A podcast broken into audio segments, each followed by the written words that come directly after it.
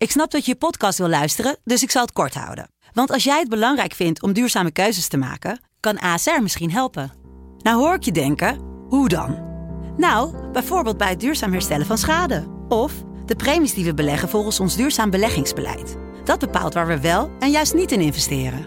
Wil je meer weten over welke duurzame keuzes ASR maakt? Ga dan naar asr.nl slash duurzame keuzes. ASR doet het. Zo, dan kan je nu lekker naar je podcast luisteren. Vechtersbazen wordt mede mogelijk gemaakt door Unibed.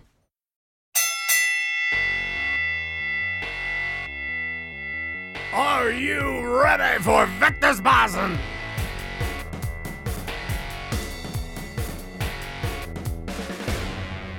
De vechtersbasis zijn terug in je leven. Nu de tweede uitzending vanuit onze nieuwe studio... waar we in samenwerking met FC Afkik en De Stroom zitten. Ehm, eh, zoals jullie weten zitten we inmiddels op ons eigen kanaal. Dus eh, check even onze Instagram pagina van ons eigen YouTube kanaal. En datzelfde geldt ook voor Spotify en Apple Podcasts. Eh, en natuurlijk, eh, zoals altijd en vertrouwd, waar zouden we zijn zonder haar? Mijn partner in crime, eh, de former Strikeforce Champion of the World. De enige echte Marloes Koenen. Marloes, goed dat we er weer zijn. Ja. Ook truipje aan Ik wou trouwens. het zeggen, we hoeven alleen nog maar ANWB-jassen en we zijn er, Dennis. Ja, en een tandem. Ja, knip ik mijn haar nog even kort en rood en klaar zijn we. Pittig kort. Ja, ja, nou ja, kan het hebben. Eh, nee, ja, weer, weer topbank. Eh, te beginnen met een man die succesvol de overstap maakte van de ring naar de kooi. Ik heb het over Ilias Boulaid. Ja, en naast hem ook een Ilias. Eh, hij is eh, voormalig Infusion kampioen. Hij is de huidige One Championship Flyweight kampioen. Eh, hij doet ook eh, wat in sociaal werk. En volgens mij bovenal het allerbelangrijkste van deze uitzending is dat ze samen heel veel lol hebben. En daar willen we alles van weten. Dat is de enige echte Ilias en Hachi. Jongens, eh, welkom allebei. Te gek dat we jullie hier hebben. We hebben jullie dus allebei al wel eens gehad bij Vechtersbazen. Maar nooit samen. En eh, we volgen jullie natuurlijk allebei op Instagram. En dat gaf ons alle aanleiding om jullie een keer hier samen op die bank neer te zetten. Want volgens mij hebben jullie best wel een goede klik. En als ik dat zo in, u, in het voorgesprek, zeg maar het half uurtje dat jullie nu zijn voor deze podcast samen zagen, dan klopt dat ook wel. Zeker. Ilias en Ilias Double Trouble, toch? Ja. Double trouble, ja. ja. ja. Nee, ja, Hoe we, komt trainen, het? we Ja? trainen samen. We trainen samen. eh, we kennen elkaar sowieso al heel lang. Ehm Hij begint al meteen. Hij begint wat meteen. zeggen? Ja, nee, hij, gaat, hij begint nu alweer met gekke dingen te zeggen. Hebben we niet geknipt, hè? Dus, eh, Luister. Oké, oké, vertel, vertel. Ja, zoals iedereen zei, we kennen elkaar best wel lang. Eh 16 of zo. Ik was 15, hij was Ik 16. was 16, ja. En eh, toen hij zei, "Maar kom je ophalen? Toen dacht ik van, huh? Hoe dan? Je bent 16, bro. Ik train, maar we trainden toen... Ik, ik, ik woonde toen in Den Bosch. Ja, precies. En ik, ik pakte toen altijd de trein vanuit eh, Den Bosch naar Utrecht. Daar haalde Said, Said Badawi, mijn huidige coach, Ja. haalde me dan daar op. En dan gingen we samen naar Amsterdam trainen of dan trainen we in Utrecht. Maar op een dag op een gegeven moment, eh, toen, zei, eh, toen zei ik tegen Ilias, hey, ik haal je op man, dan gaan we die kant. Hij zegt, eh, hoezo? Hoe haal je? Hij zegt, ik ja, maakt niet uit. Kom ik met de auto aangereden. 16 jaar, bro. Hij kwam net boven de stuur. ik, wow. Toen dacht ik van, ja, ik ga wel instappen. Maar ik, ben met hem. En we zitten er nog, heb je het over? Dat- Ja, we hebben echt veel dingen meegemaakt. En wat voor auto, bro? Was gigantisch groot. Ja, ja, dat is het voordeel van oudere broers hebben. Ja. Ja, want eventjes eh, voor, voor, de, voor de mensen die het niet weten. Want jij komt uit Den Bosch inderdaad. Jij eh, eh, Utrecht. Utrecht. eh, Utrecht, hè, dat is altijd Utrecht. al. En jullie trainen samen in Amsterdam over het algemeen bij eh, toen nog El Osmani Ja, Gym. toen die en, samen met Said El Badawi. En zijn nu samen mee verhuisd naar SB Gym in Utrecht. Toch? Ja. Zo vertel ik het wel Ja. ja, eh, zo in is het het, ja. kort? Zo is het, Helemaal. Ja, maar vanaf dat jullie ongeveer 16 waren dus, eh, en die connectie was er wel. Ja, Ja, 15, sorry. 16. Ja. Want ik, eh, toen die tijd eh, trainde ik nog in Den Bosch. Dat was onder William van Roosmalen. En eh, ja, ik kende Said, eh, ik kende al die jongens. En ik wilde toen graag gewoon een keer meetrainen. Maar ja, voor mij, ik, Randstad, Amsterdam, Rotterdam, had ik, ik, ik was er eigenlijk nooit. Ik kende het allemaal niet. Dus ik dacht, ik ga gewoon een keertje even meetrainen. Snap je? Kijken hoe of wat. Ik kende die jongens gewoon van galas. En eh, ik was toen een C-klasser volgens mij. Zeg dat goed? Ja, C-klasser of B-jongen. En toen ging daar naartoe. En daar ging eigenlijk een wereld voor me open. Want daar liep op een gegeven moment ja, jo- jonge jongens als eh Ilias Hachi, eh Hamisha.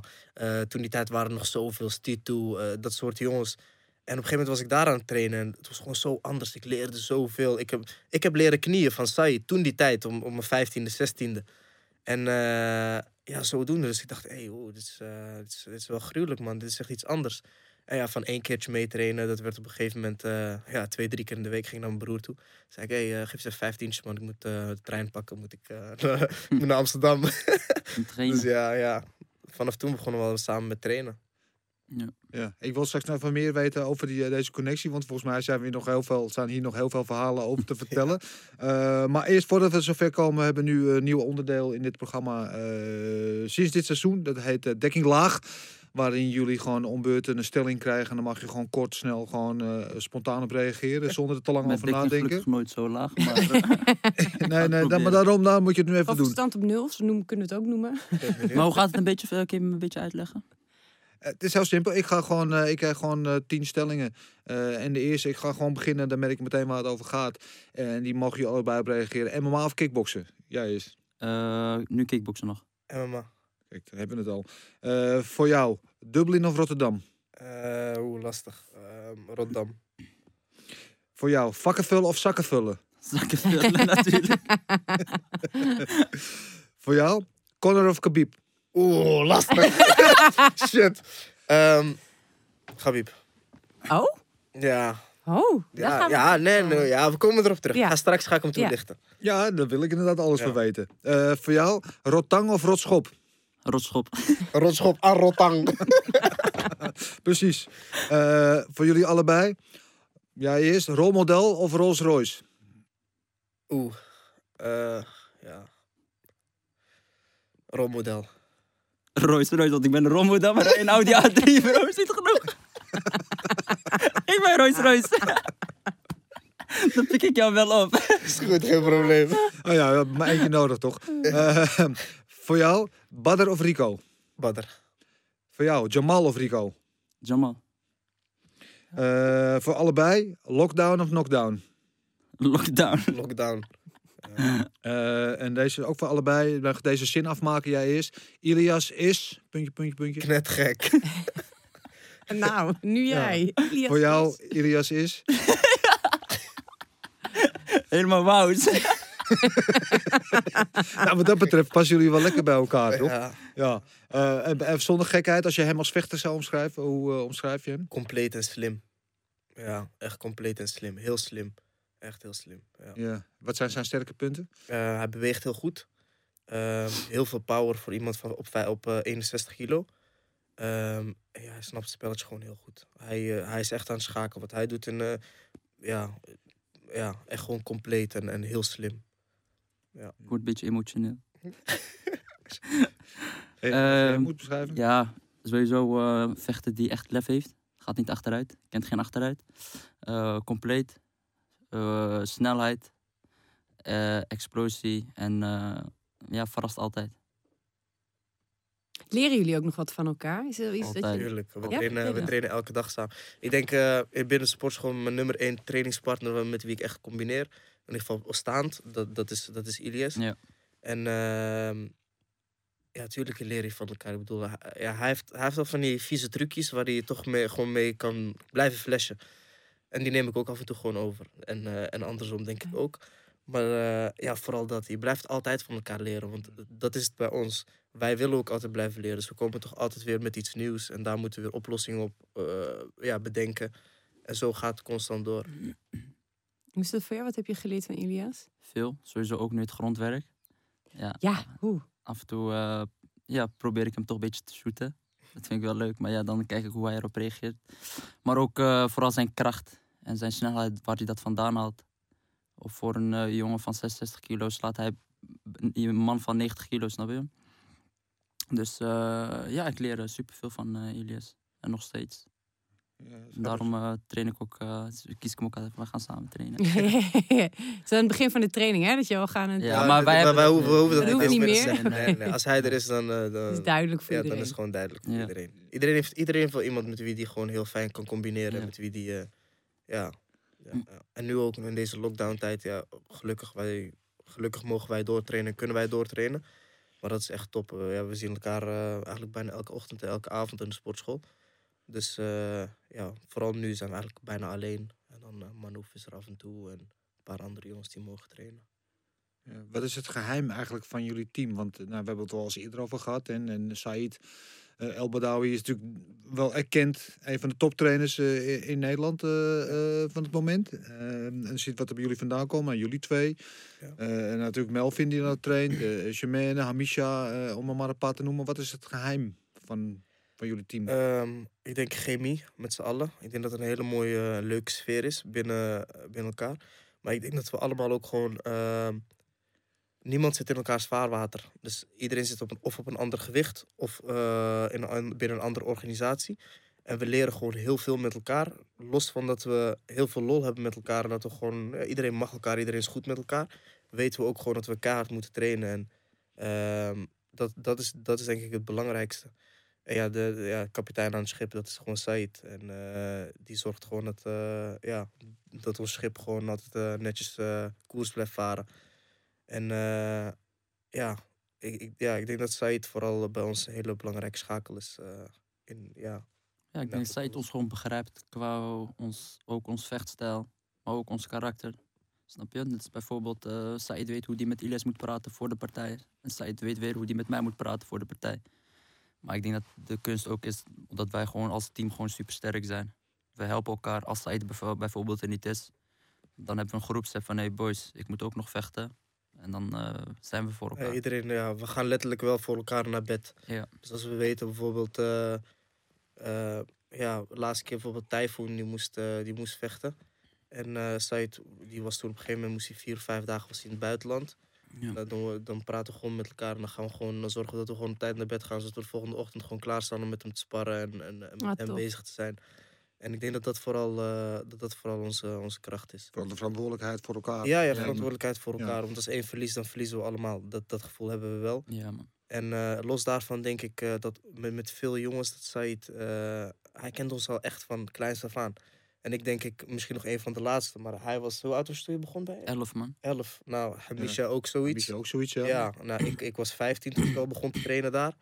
En ja, zo heb je ook nog een heleboel andere, andere jongens die ook echt heel jong zijn. Dus je hebt al een bepaalde chemie en Ja. ja, Historie, hè? ja, Ja, dat ja, is het. Ja.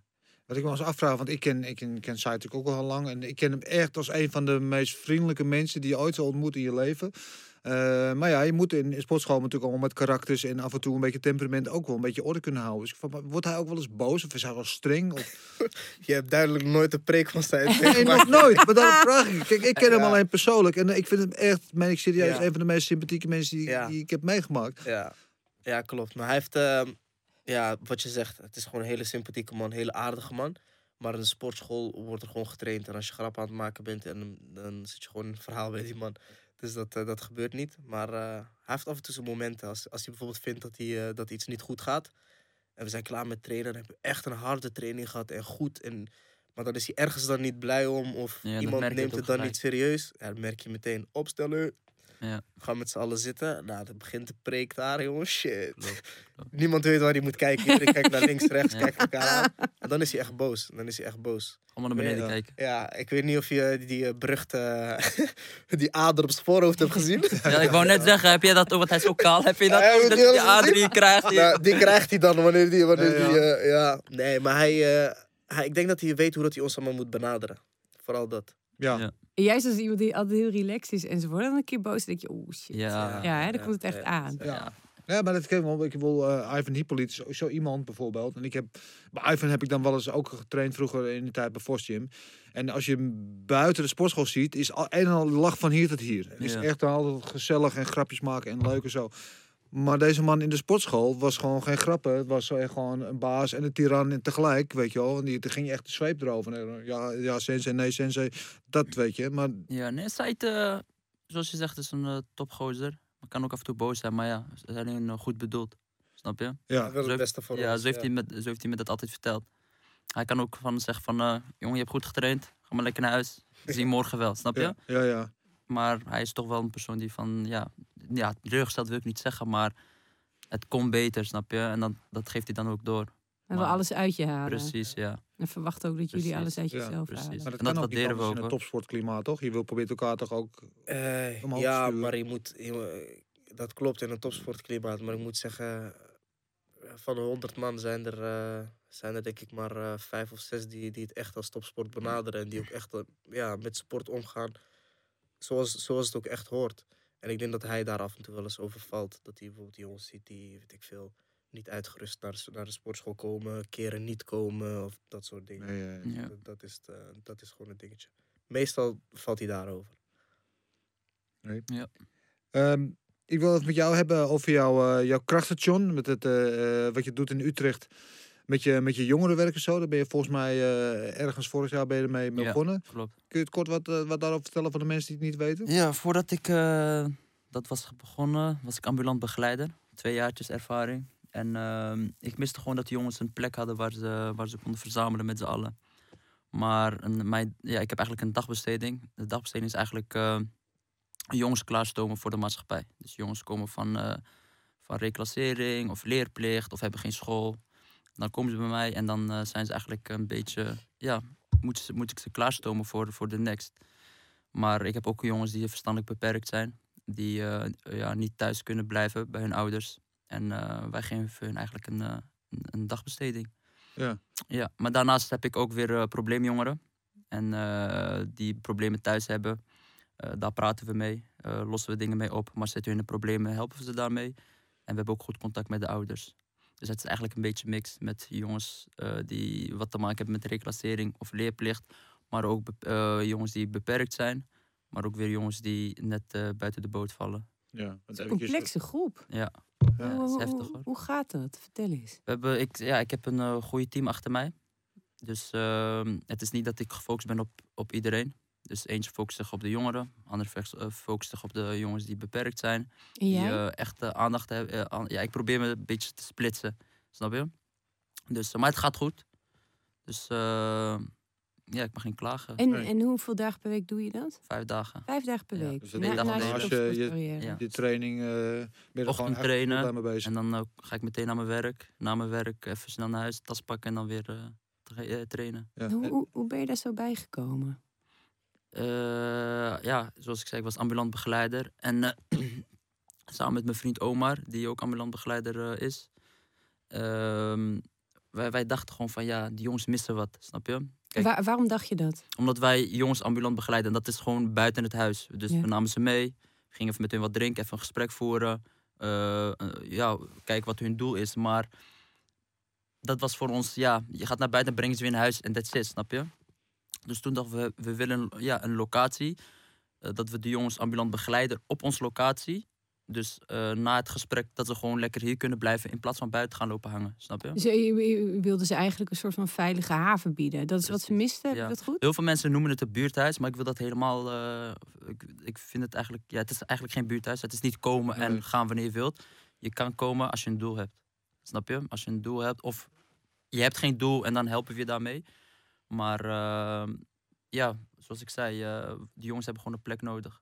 En Ja. dat eh, wou ik hun graag aanbieden. Ja, dat doe je in de Kanaaleiland. Dus een, een buurt, laten we het zo zeggen, daar is altijd wel wat aan de hand. Althans, Ja, het is een, een buurt met een reputatie. Ja. Ehm, ehm, ja, ik kan me voorstellen dat je daar wel wat probleemgevallen tegenkomt.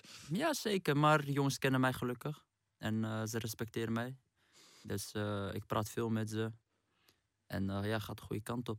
Ja, Dus eh, ze- ze- ja, ik heb veel met de jongens gesproken, maar ook met de ouders. En ehm, ja, zoals ik zei, over dat rellen bijvoorbeeld eh, vorig jaar. precies. Dat ging En behoorlijk. en ging dat ja, dat los ging nergens over. En zoals ik zei, ik heb heel veel met jongens gesproken. En dit, keer- dit, dit jaar is weer gereld. Wat zeggen die jongens dan? Geven ze ook een reden of hebben ze geen idee Ze- waarom ze rijden? Ja, sorry dat maar ze hebben geen. Ze, hebben, ja, ze doen het gewoon omdat iedereen gaat. Gewoon net ze kudde. Ze gaan gewoon mee, snap je? En eh, dit keer dachten ze van ja, het is zonde. Wat, wat doen we eigenlijk? Ondernemers die van niets naar iets gekomen, naar iets gaan, die een eh, onderneming starten en dan gaan ze het verlopen vernielen, snap je? Mhm. Dat is gewoon zonde. Ja. En het feit eh, dat jij eh, natuurlijk kickbox wereldkampioen bent. Eh, je zei, je hebt, ze kijken wel een beetje tegen je op. Ja. Eh, ze respecteren je. Eh, dat heeft daar ook wel een beetje mee te maken, lijkt me. Ja, ja, ik denk het ook wel, ja. Ja, Ja. denk je wel een beetje. Ja, ja, het is wel zo. Ja, ik heb ook een sportschool daar bij mij op de ontwikkelcentrum Utrecht. En jongens komen wel eens trainen. En dan ja, willen ze wel met mij potjes, potjes sparren. Snap je? ja. En Doe weet je dat gelijk dan hoe het zit. Ja, ik, dat Ja, doe ik ja, ja. natuurlijk. Ja. Even op de plek zetten. ja, maar niet hard hoor. Daar niet van. Alleen even die lever Even die aanpakken. lever, eh, Geen blauwe plek achterlaten, niks aan de hand. Ja. nee, nee. Maar eh, want dat was eigenlijk ook waar ik wel benieuwd naar was. Is van ga je het, het kickbox ook combineren dan eh, met, met je werk wat je nu doet? Maar dat doe je dus, als ik dat goed begrijp, Ja, al. ja, ik ben eh, letterlijk tien dagdelen ben ik op mijn werk. Dat is, Nee, sorry, excuses. Voor de jongens waar je mee werkt, ga je daar het kickboksen dan ook? heb je daar ook programma's voor? Of Ja, wij werken doen? met schema's. Dus wat ik zei, wij- bij ons is echt, als je, als je komt, moet je een doel hebben. En wij werken met schema's. Het is bijvoorbeeld, we beginnen om 9 uur tot 10, is nieuwsuur. Gaan we lekker nieuws kijken. En dan hebben we eh, 10 uur, gaan, de jongens lekker boodschappen doen. Om, eh, ja, op dinsdag en donderdag hebben we kookactiviteiten. En dan gaan we koken. We hebben ook werkplek. Eh, heel veel basisscholen die oude fietsen hebben, komen naar ons. En dan gaan we die fietsen repareren. Voor kinderen die bijvoorbeeld geen centen hebben voor, voor, voor een fiets. Ja, we hebben eigenlijk van alles. Ook kickboksen natuurlijk, sporten. Sport is eigenlijk het belangrijkste, want dan, dat is de uitlaatklep voor de jongeren. En dan daarna is het echt heerlijk om met hun in gesprek te gaan. Ja. Ontstaat dan ook een soort van, van kettingreactie? Je zei net van het is niet vrijblijvend, ze mogen komen als ze een doel hebben. Ja. Ehm, eh, ontstaat er ook een soort van eh, dynamiek in de buurt of met dat soort jongens, omdat bepaalde jongens er dan bij horen en wel mogen komen, de andere jongens dat dan ook willen? Dat, Ja, maar dan, zoals ik zei, als ze komen, dan hebben ze opeens wel een doel. ja, Snap je? En ja, en da- dat vinden we fijn. We, we laten alleen jongens echt komen die een doel hebben. Waarom? Dat die, hun vrienden die geen doel hebben bijvoorbeeld, die denken van waar ga je naartoe? Ik ga naar het ontwikkelcentrum. En ze, vinden, ze zien dat, dat, dat diegene het echt leuk heeft. En die, wil- die is nieuwsgierig, wil komen kijken. precies. Ja, wanneer die aanwezig is, ja, dan denkt hij van hé, hey, dit is leuk. En ja, dan gaan we gesprek met hun. Ja. En dan Ja. uiteindelijk eh, komt er wel wat uit. En wat voor verandering zie je dan na een tijdje? Jongens die eh, werk zoeken, maar ook heel respectvol nu naar hun ouders zijn, dat vind ik echt heel belangrijk. Ehm, ja, ook niet meer buiten hangen. Maar eh, ook terug naar school gaan. Jongens willen heel graag opleiding doen. En opeens willen ze allemaal zorg ingaan. Maar ja, ik vind het gewoon belangrijk als ze toch naar school gaan. Of ze nou zorg gaan doen of, Ja. of eh, kapperopleiding. Ja. Maar ik zie wel dat de jongens eh, nu terug naar school willen gaan. Dat komt ik, do- denk ik ook door de lockdown hoor. Door lockdown houden ze thuis. Dan denken ze van ja, te veel verveling. Dus laat me maar terug naar school gaan of werken. Maar dat was vorig jaar was, eh was Kanaaleiland was landelijk nieuws vanwege die rellen. Want Ja. dat ging echt het hele land, of misschien wel de, de hele wereld over. Ehm, nu, afgelopen week, het hele land zat in, in, in, in de fik met die avondklokrellen. In Amsterdam, in Rotterdam, overal, Tilburg, noem maar op. En ja, Kanaaleiland was rustig. Lekker rustig. Ja, Ja. Dat komt, dan wel, dat komt dan een beetje door jou ook, of niet? Ja, ja, ik denk door mijn team. Ja, Ik heb een eh, door team, jullie, zoals ja, zei, sorry. ja, mijn eh, vriend Omar en een andere vriend Yassin. Dus eh, we hebben echt hele goede contact met die jongens. En ze komen allemaal bij ons over de vloer, gesprekken voeren. Maar ook de ouders. De ouders zijn ook super blij. Dus eh, ja, ik denk dat het wel door ons eh grote deel eh, gebeurd is, ja. ja. Ja, komen er alleen jongens of komen er ook meisjes? Ehm, nee. nee, we hebben nog geen meisjes gehad. Maar eh, we sta, ja, als, er, als, er, als er meiden zijn die problemen hebben, daar zeggen we geen nee tegen.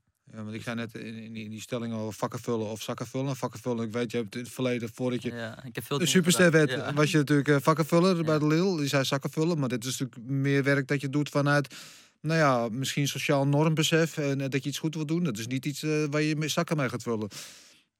Dit werk wat ik mee doe, Ja, Ehm, ja, ik, ik verdien er wel mijn salaris mee. Maar ik doe het me, me- meeste deel voor omdat ik het echt leuk vind om, eh, om jongens te helpen. Want ik, ambulant begeleiding wat ik, dat was ook spontaan gebeurd. Snap je? En, eh, Maar ik- dat zit dan wel in jou. Er zit Ja, in ik denk dat je het wel. andere mensen wil helpen. ja, ik denk het wel. Want eh, spontaan kwam ambulant begeleiding. Voor, daarvoor deed ik eh, ventilatie vervangen, reinigen. Toen kwam ambulant begeleiding. En ik vond het super leuk, want ik, ja, waardering voor de jongens. En ook van de ouders natuurlijk. Toen dacht ik van nee, dit wil ik meer gaan doen. En toen ben ik me daarin gaan focussen. Ik heb ook die jongens, Ilias en Hakim, die mij daarin hebben geholpen. Die ook een grote zorginstelling hebben. En zodoende ben ik eigenlijk eh, meer gaan eh, verdiepen erin. Ik heb de man nog nooit zo lang zo serieus horen praten. hè? ik, heb jou nooit, Ik- ik, ik heb ben jou ook nog nooit zo lang stil horen zijn. ja, echt. Ken Ik die ben gewoon kant van verbaasd. Ja, wauw. Maar nou willen we jou toch eventjes eh, aan de rol hebben. Eh, kom even terug net over die Conor en Khabib. Khabib zei jij. Dat wil ik Ja. wel even... Ja, ik denk als ze nog een keer ve- zouden vechten dat Khabib zou winnen. Ik vind ze allebei gruwelijk. Ja, dat kan je niet onder sto- stoel of bank steken. Maar ik denk dat op dit moment dat niemand van Khabib zou kunnen winnen. Nee, maar jij hebt natuurlijk die connectie wel met, met, met Ehm, Conor vanuit jouw ik- wat ja. met John Kavanaugh. niet? Ja, klopt. Maar eh, alsnog, eh, als je gewoon puur op sportiviteit, ja, op, op sportief gebied gaat kijken, Ja. dan, ja, dan moet je gewoon eerlijk zijn. Dan, eh, dan gaan we. Ik vind wat ik zeg, ik ben, ik ben groot fan van allebei de mannen. Ja. Dat zeker. Ehm, maar ja, ik denk, ik denk dat in de tweede wedstrijd dat ook Khabib zou kunnen. Ik denk dat die man niet verslaan is op dit moment. Ja. En daarbij, het is, het is iets nieuws. Kijk, hij is echt een worstelaar. En Conor McGregor is echt een, een staande vechter. En ik wil bijvoorbeeld heel graag leren worstelen, maar gewoon echt worstelen, worstelen. Gewoon zoals, zoals hij dat doet. Daar ben ik ook mee bezig. Ik zou Ja, er nooit dat zo. doe Ja, je dat nu, ja? ja, daar ben ik mee bezig. Ik zou, ik zou nooit dat Waarom level wil je zo bereiken. graag willen wor- eh, leren worstelen? Omdat het nieuw is. zo tof van? Omdat het nieuw is. Dat is het hem. Omdat het nieuw is en je wil maar ergens... grondvechten on- is voor jou ook nieuw. Waarom wil je dan toch... Heb je die spark met worstelen? Omdat ik zie hoe effectief het is in het gevecht. Ehm, ik denk als, als je gaat kijken, de meeste eh, kampioenen in het MMA hebben allemaal een worstelachtergrond. Ehm, op een paar uitzonderingen dagen later. En een van die uitzonderingen ga ik ook worden, niet daarvan. maar ehm, ik denk dat, dat als je een achtergrond zou, zou mogen kiezen, dat worstelen denk ik het beste achtergrond En heb je daar ook een theorie over waarom het zo effectief is? Ehm, ik denk dat er een heleboel uren in moeten zitten. Dat als eerste. En ik denk dat, dat, dat staand vechten eigenlijk een beetje automatisme is. Ik bedoel, als je tegen iemand zegt: hey, doe je handen omhoog en strek je linkerhand, dan is het, dan is het een jab. Toch? Maar vraag eens iemand: oké, ga omlaag, pak je single leg en gooi hem, smijt hem de andere kant op, dan wordt het lastig. Ik vind het echt fantastisch dat je dit zegt. Want jullie zijn op zo'n extreem hoog niveau in het staande gevecht... dat Ja. jullie niet meer doorhebben hoe goed jullie zijn. Want wat je zegt klopt natuurlijk geen zak van. Nee, ja, ik, ik, snap, ik, snap, ik, snap, ik snap wat je bedoelt. Nee, ik snap wat je bedoelt. Ik Als je het niveau wat jullie twee hebben, dat is... Want ik, ik knal hem er maar gelijk even in. Daarna wil ik wel. Ja. graag dat je weer zegt dat ik het niet eh, goed heb. Maar ehm, ik heb juist extreem veel respect voor de staande vechters. Mm. Want worstelen, als je kijkt, eh, nou, dan pak ik even Ronda Rousey erbij, kon staan niet zo heel erg veel. Wat deed zij? Zij, zij rent op iemand af, zit tegen de kooi aan, gooit er een judo-worp uit. Ja. Maar eh, bijvoorbeeld Tiffany we vorige week hadden, maar jullie hetzelfde geval. Hun voetenwerk is zo fucking moeilijk. Als je Ja. die druk op je hebt en je, je weet dat je kunt een klap krijgen op je hoofd, op je lichaam, op je benen. Dat doet echt pijn. En dan moet je onder druk moet je die afstand nog eens een keer gaan overbruggen. En je moet je dekking hoog houden. En het kan overal komen. Ja. En, dus ja, ik vind het prachtig Maar dat je het zegt. daar, maar- daarom zeg ik, misschien is het ook omdat het iets nieuws is. ja, Daarom, ik wil, ik wil en misschien heb ik compleet het zijn. fout, kan ook. Ja, ik, ik, ik behoud het in het midden, maar ik denk omdat het juist iets nieuws is en omdat je, eh, omdat je daar ook goed in wil zijn. Kijk, ik wil compleet zijn. Ik weet dat ik dat staand, ja, dat ik dat wel ben. Ehm, Ja, maar hè? worstelend op de grond, ja, dat, daar heb ik nog een heleboel in te leren. En als ik, als ik, als ik, dat, als ik dat onder de knie heb, ja, dan, ben je, dan ben je echt een complete vechter. Maar je hebt het wel snel geleerd, hè? Ja, maar ik heb er, ik heb er ook uren in zitten. echt ik heb er echt uren in zitten. Dat Ja. echt vanaf Ja, het ik- begin. Ik heb je doe je zien bewegen. En ik vergelijk het dat als iets echt perfect gaat, dan voelt het voor mij als water. Je Ja. beweegt als water. Maar dit is, de laatste keer dat jij mij hebt gezien is alweer een jaar geleden.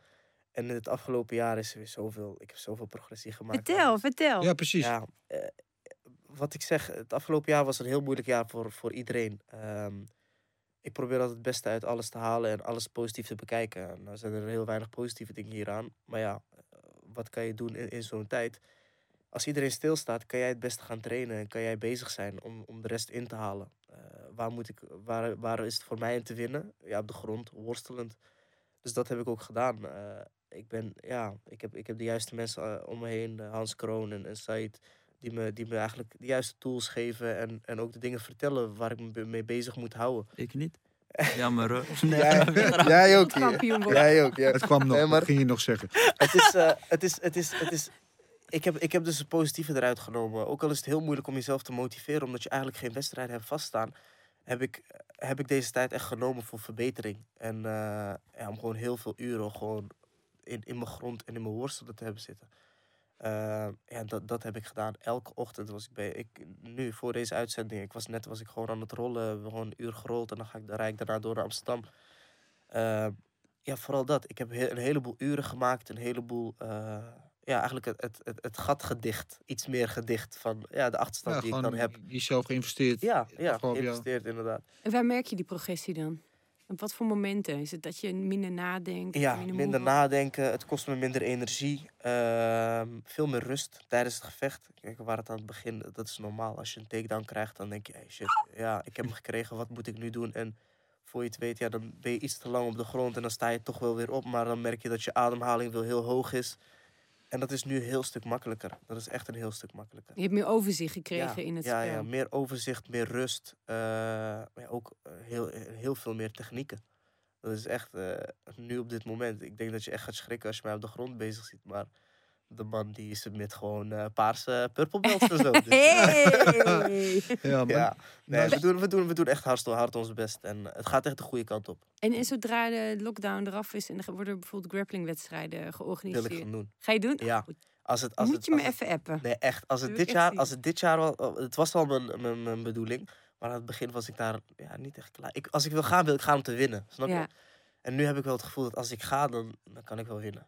Oh, dik. Oh, Dus man, ik ben, ik benieuwd. Ik vind, ja, ik, ik- dat lijkt me ook leuk. Maar dat, dat zijn ook dingen, daar bereid je gewoon op voor. En die kan je tussendoor doen. Snap je? Ter, je kunt zelfs eh, ter ondersteuning van je trainingskamp naar... Pre- eh, precies, maar dan heb je ook bepaalde mijlpalen, snap je? Ja. Van oké, luister, dan en dan vecht ik. Dan heb ik gewoon mijn wedstrijd, daar moet gebeuren. Maar ondertussen, dan en dan kan ik een grapplingwedstrijdje doen en een toernooitje en hier en een daar. beetje die spanning weer even Ja, dat je even die spanning krijgt ja. en even ergens weer naartoe werkt, snap je? Ja. Dus eh, ja, ik ga dat zeker doen. Oh, leuk. Want jouw laatste wedstrijd is volgens mij februari vorig jaar. Ja, vorig dus, jaar, dus een jaar, eigenlijk een jaar geleden nu. Ja. Eh, dan heb je in de tussentijd heel veel in jezelf geïnvesteerd. Ja. Eh, En je, zou, ik nu- zou vechten toen. je zou nog vechten in, eh, in Parijs, of eerst in, in Milaan, toen Parijs. In Parijs. Maar nu zijn we dus inmiddels bijna een jaar verder zonder dat je wedstrijd hebt gedraaid. Waar je normaal best wel actief bent. Ja, heel erg. Ik kan me voorstellen dat je nu staat te popelen ook juist om ja. in die MMA-kooi te laten zien wat je allemaal hebt bijgeleerd. Maar dat, dat, dat is ook echt zo. Ehm, eh, nu, dus kijk, de eerste twee wedstrijden denk ik dat ik daar echt als een kickboxer stond.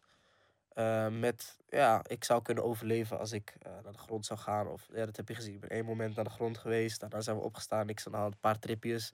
Heb ik hem op de grond en denk ik, ja, laten we toch maar weer staan doen. Maar dat gaat nu niet meer. Ja, veiligheid opzoeken. Dat, dat gebeurt nu niet meer. Nu sta ik daar wel als een ja, meer completere vechter.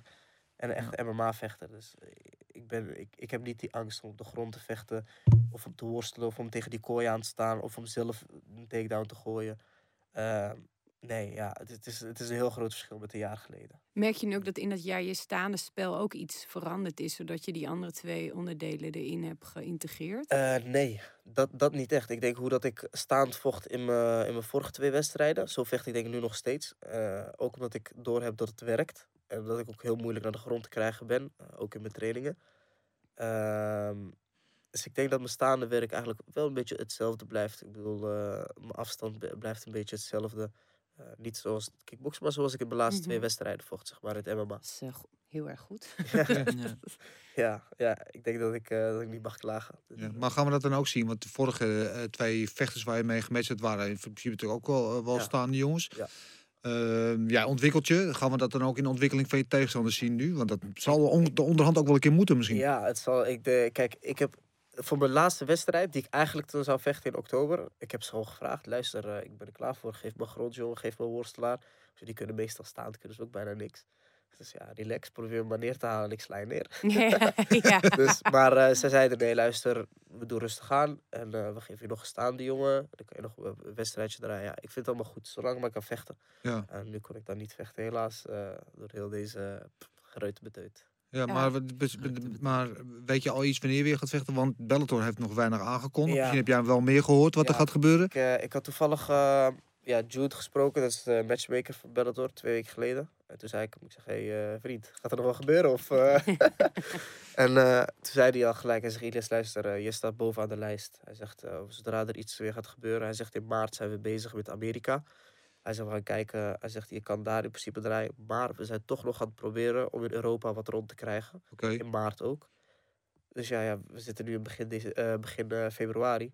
Dus ik ben nu gewoon bezig. En eh, ik ben nu echt weer volop, echt volop aan het trainen. Gewoon in wedstrijdvoorbereiding. Alsof ik ook echt moet vechten. Maar ik heb geen datum. Ik heb geen tegenstander. Nee. Ik heb nog niks. Eh, heb wel jij zoiets van, geef maar de eerste beste datum die beschikbaar is? Of zeggen we nou, de Amerikaanse Bellator wil ik misschien ook wel een keer... Oh, ik vind het allemaal goed. Eh, kijk, ik heb nu, we zitten nu begin februari. Als ik begin maart of midden maart kan vechten, sta ik gewoon ready. Of morgen? Gewoon klaar. Maar morgen nog niet. Ja, als het moet. Als het echt moet, maar... eh, Ja. nee. Ja, Amerika is leuk, maar je zit altijd wel altijd met die jetlag. Ik bedoel, Ja, Ja. nou, dat is natuurlijk wel, maar de, de, de, de heerst is ook wel is al iets andere, vaak iets grotere kaarts in Amerika. Het heeft ook iets meer aandacht. De Amerikaanse Ja, tijd dat maar- uitgezonden wordt. Dus het is misschien dat we net even.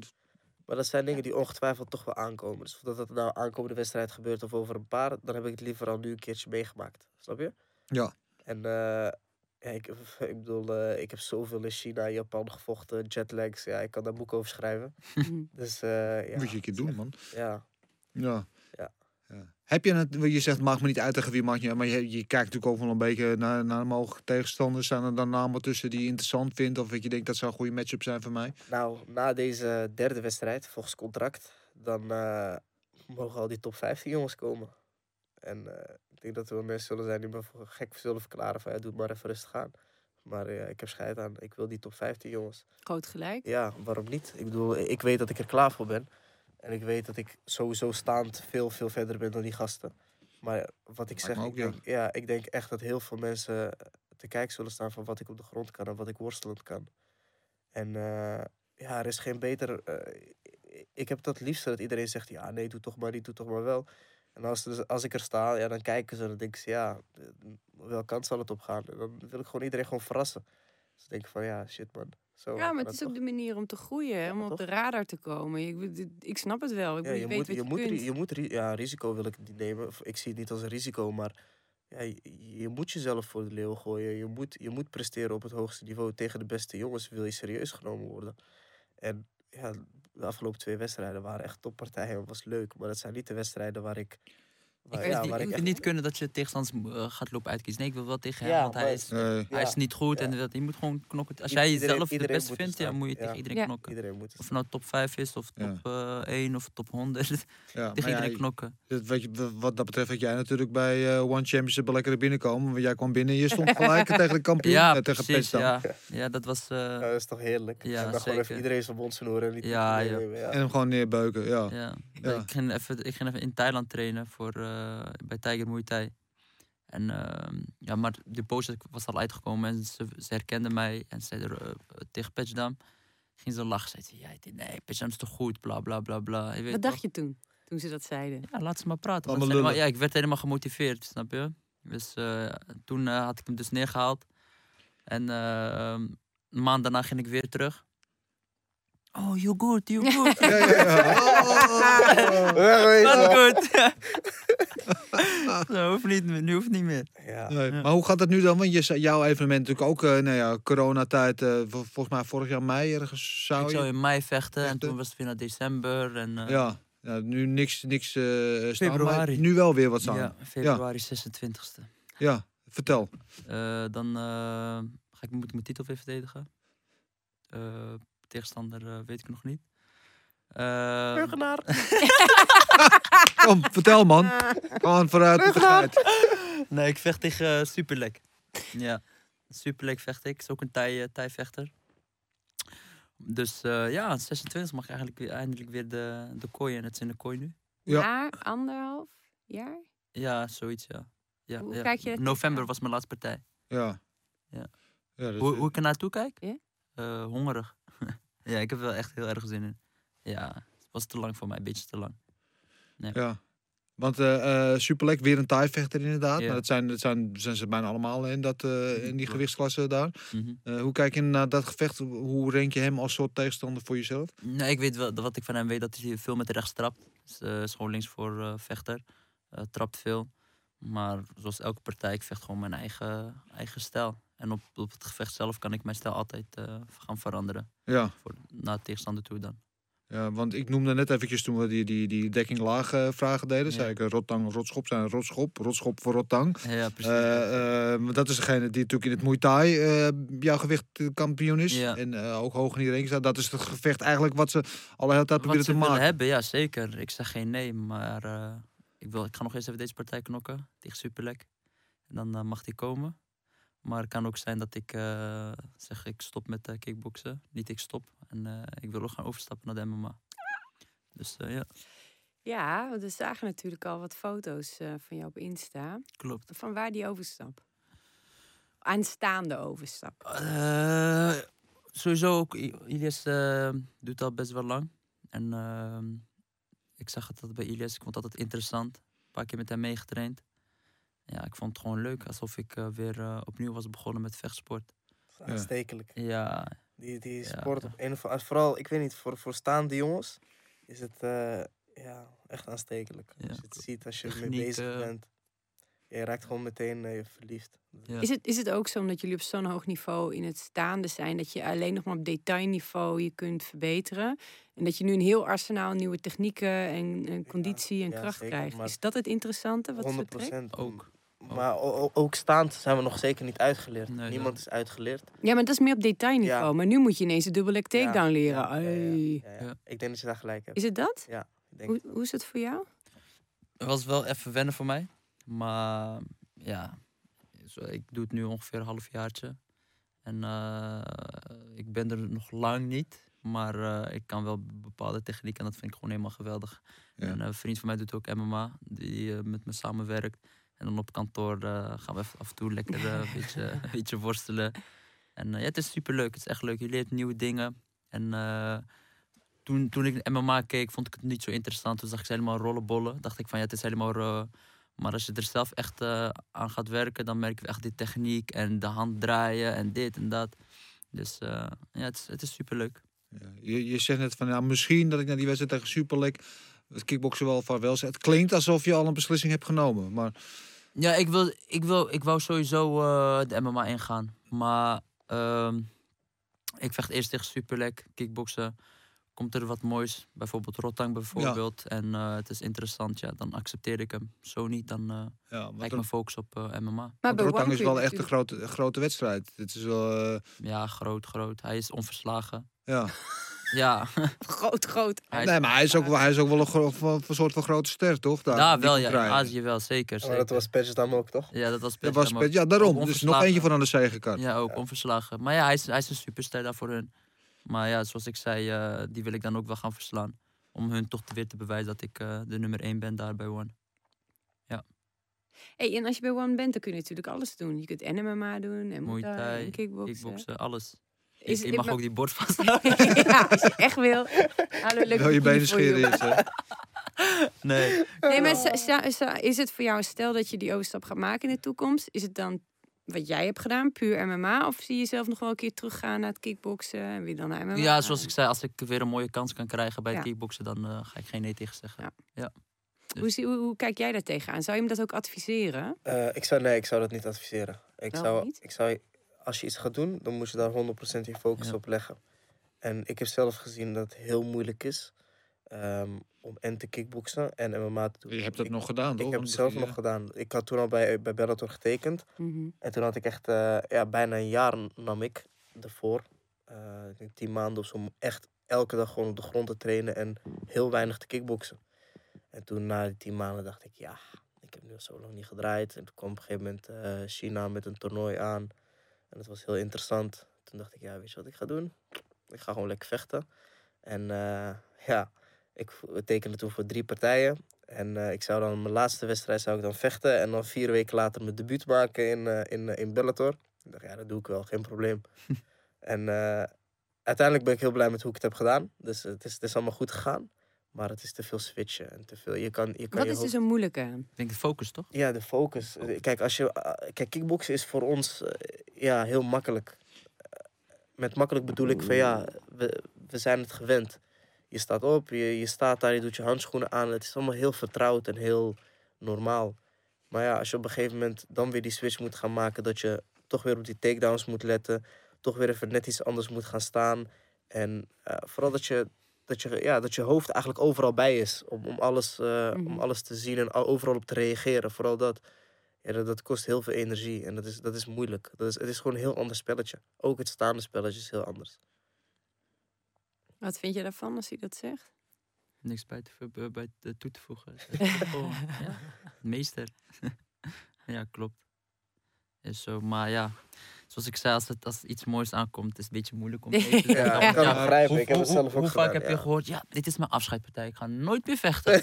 En dan hoor je een bedrag, die, hey, snap je? Maar is zo, toch, of niet? Ja. Ja. Het is ook een beetje abstract nu, om daar nu over te praten. Natuurlijk ook over iets wat je nog niet Wat echt hebt niet- geprobeerd. Wat nu toch alleen nog maar Het kan ook zijn dat ik van, hé, En dit ken je.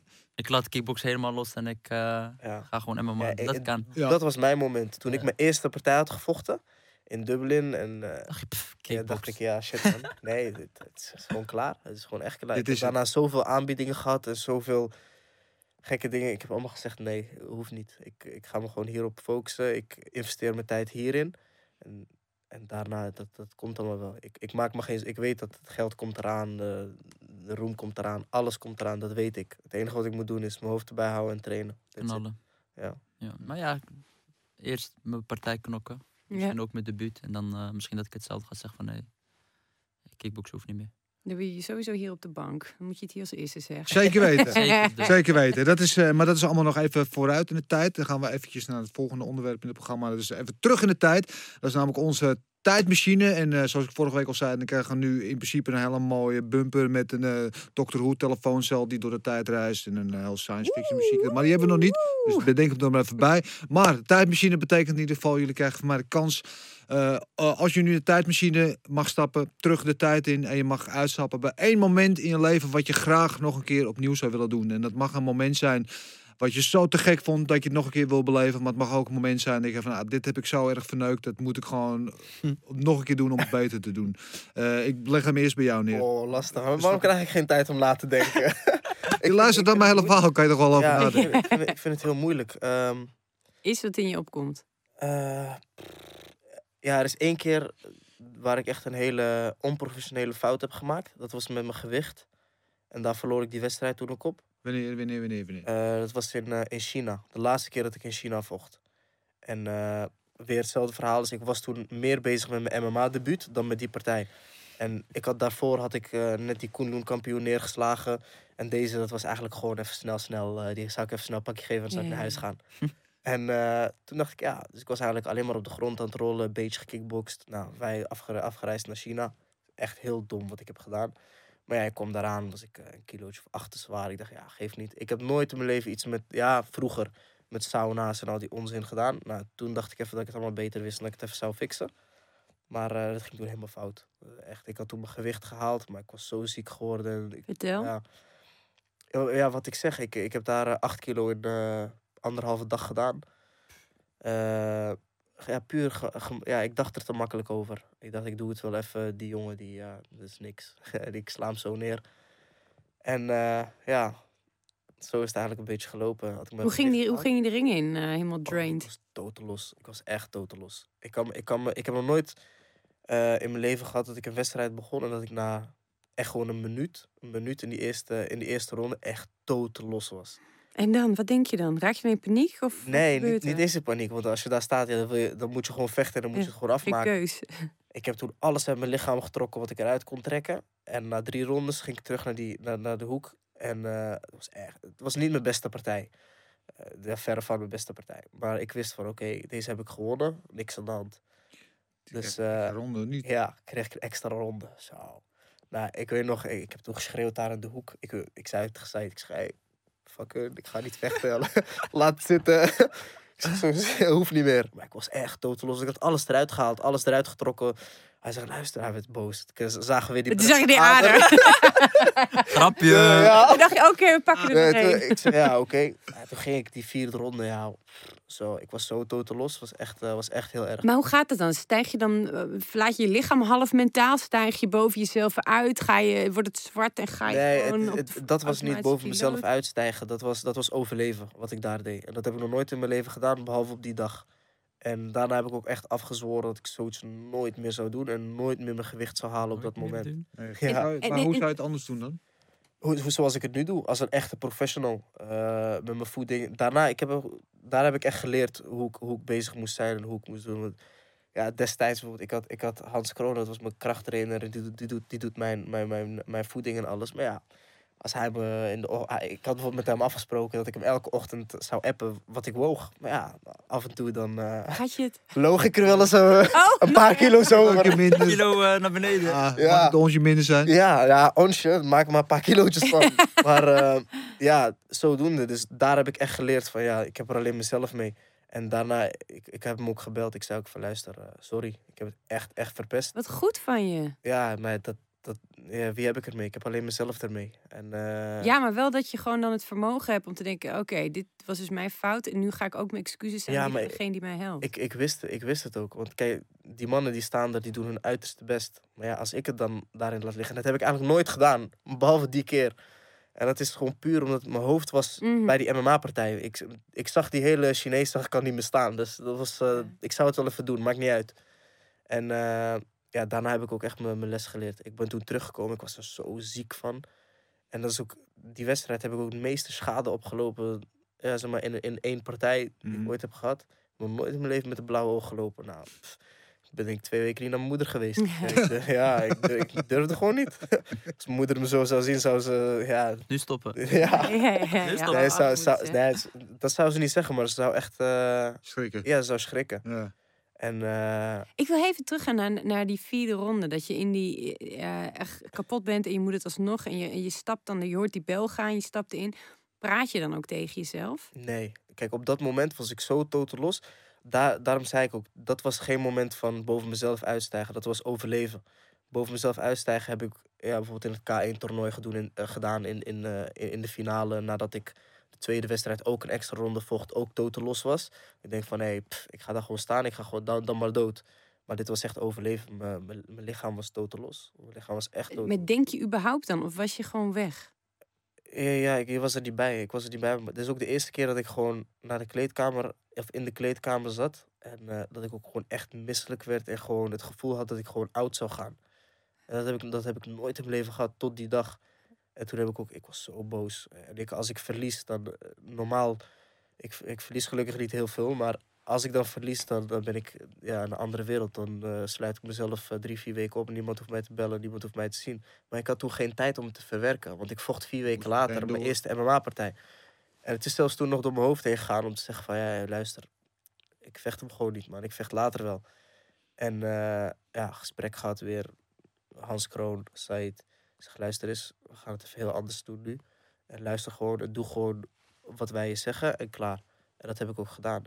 Daar heb ik denk ik echt geleerd om, om echt als professional... Ja, ik, ik was altijd al heel professioneel, behalve die ene keer. Maar nu heb ik echt, daar, daar leerde ik echt van, oké, klaar. Nu moet ik moet zorgen dat alles klopt. Slaap moet kloppen, eten moet kloppen, alles moet kloppen. Ik monitorde alles. Elke calorie die, ik, die, die er bij mij binnenging, die, schre- die, die, die, die, eh, schreef ik op. Eh, elke ochtend, mijn gewicht ging door naar Hans. Dit en dit, dit is wat we gaan doen, zo en zo, zo is wat we gaan doen. Ik heb nog nooit in mijn leven mijn gewicht zo makkelijk gehaald als die eerste keer. En dat was de, dat was, toen vocht ik op 66,2.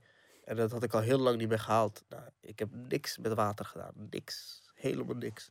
Voelde me zo sterk. Laatste wedstrijd, ook hetzelfde verhaal. En, Maar die toen- kinderboeien had hij wel klaar liggen. Na de wedstrijd. Ja, ik ben er wel eens tegengekomen op, eh, op de airport Ja. dan. En dan weet ik ook wat hij Ja, ja, ja, ja, dat was, ja, zo, dat, ja, dat dat was wel erg, dat was wel erg. Nou, de wedstrijd was geweest, dus februari was het toen. En eh, ja, alles was al geweest, dus ja, ik, ik wilde gewoon genieten. Nou, toen kwam op een gegeven moment Marloes even langsgelopen samen met eh een meisje van Vanix, Wasima. En toen zag je mij daar, ineens zie ik aan mijn telefoon zo op me gericht. Ik denk, hé, wat is dit? Ik Bewijs. Kinder Bueno Skittles. Bewijs, bro. Pak, pak. ja, man, shit. Ja, maar dan verdien je het, dan mag het. Dan Tuurlijk, mag het, ja.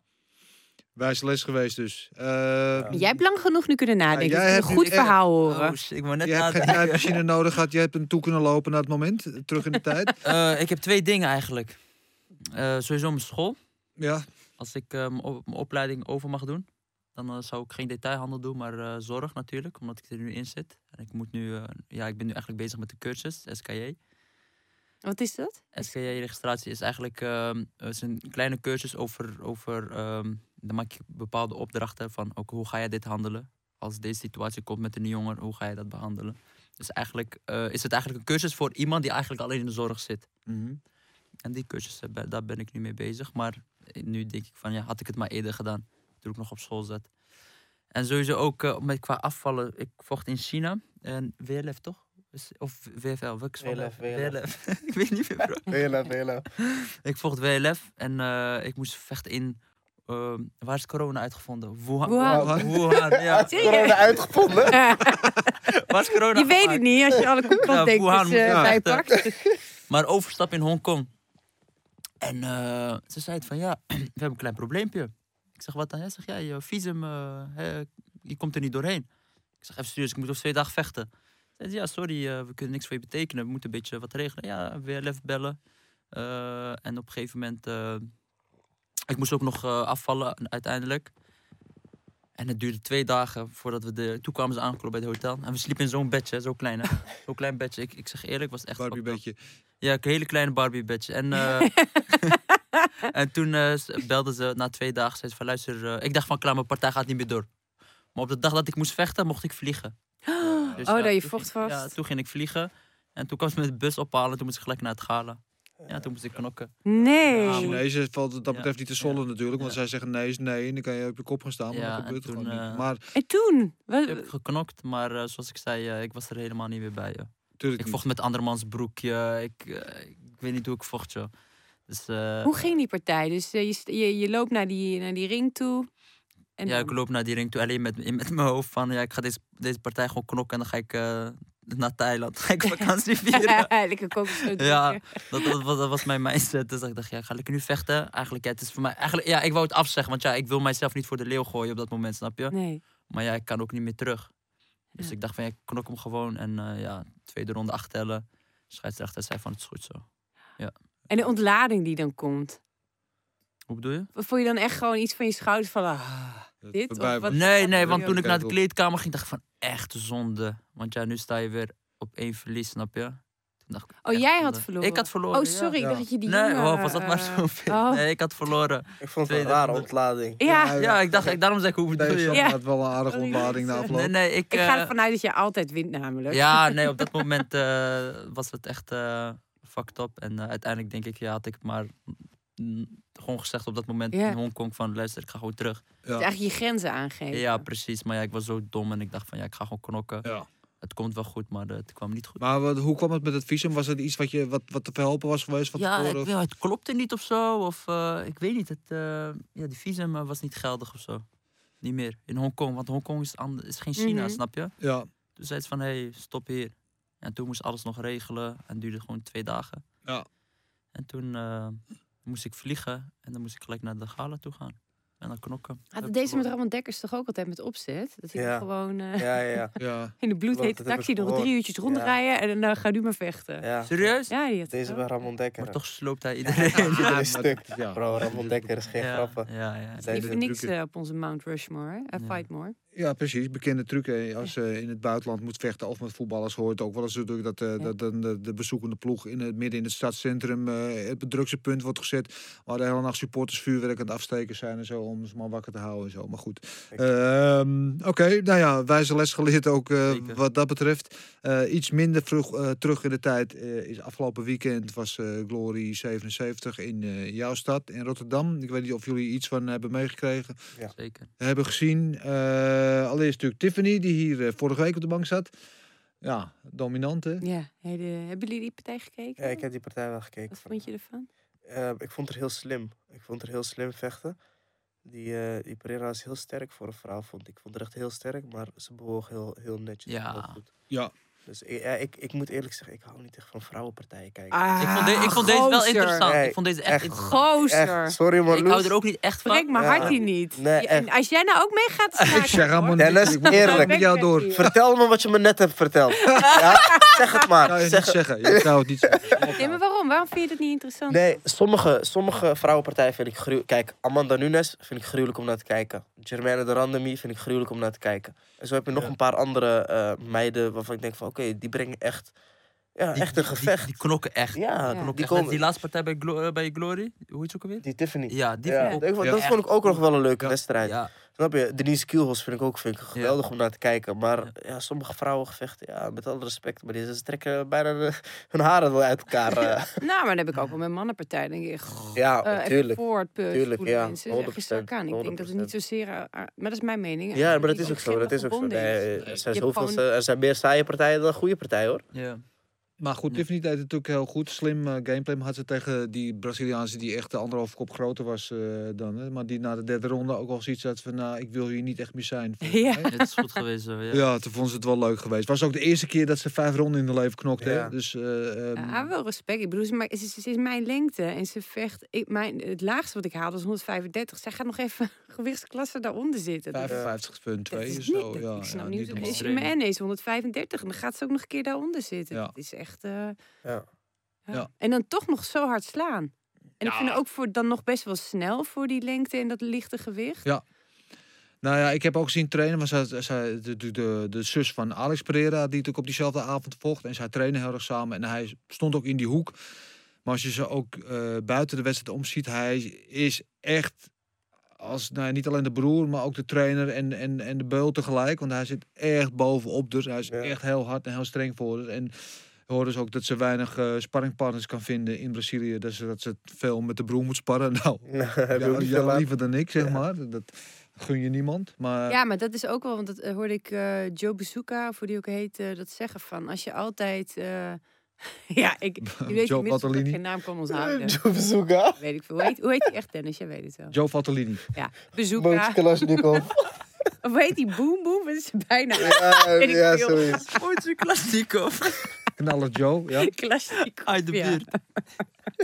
Anyway, maar wat hij zei is van als je ehm, dat zij heel erg gewend is om te incasseren, maar dat het dus ook negatief kan zijn. En daar ben ik het wel mee eens. Als je altijd maar Aan de eh, dubbele een dekking staat. receiving end bent Ja. en je leert niet te domineren, dan gaat dat ook in je vechtstijl zo zitten. Ja.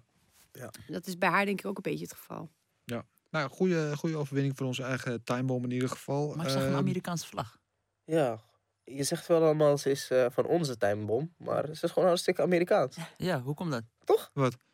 Eh, kleine Die Tiffany. Dennis. Ja. Ja, Tiffany van Soest. We hebben, we, we Ja, hebben het over Tiffany van is Soest, toch? Nederlands. Ja, ze is, Ameri- ze is Amerikaans, maar ze, de, de, de vader is eh, Nederlands. Oh, Dacht oké. ik al, ja. Ja, ze, eh, haar, haar- de moeder is geloof ik Oostenrijks, eh Hongaars of Oh ja, zoiets. Pools kan ook. En de vader is van eh, Nederlands-Indische afkomst. Oh, Ze heeft ook Ah. een familie hier wonen. nog Maar ze is zelf geboren en getogen in Amerika. Nee, ze is Amerikaans. Nee, ze is Nederlands. Nee, ze- ik ga opzoeken. Ja, een beetje Ja, ik van zat- allebei met is goed. Ik zat met Roemer te discussiëren over die val van eh Myrtle. Myrtle, ja. En we, Ja. wij hebben het gewoon teruggespoeld en gewoon, we hebben gewoon naar die, die ondergrond ge- gekeken. Van, eerst was de discussie, is hij wel of niet op een kussen gevallen? En toen Ja. was er wel of geen verhoging. Ja. Ja. hadden wij nog even echt Ja, over. Doembe is natuurlijk wel. Ik, Myrtle eh, heb ik ook heel hoog in het vaandel zitten als vechter en als, eh, als mens.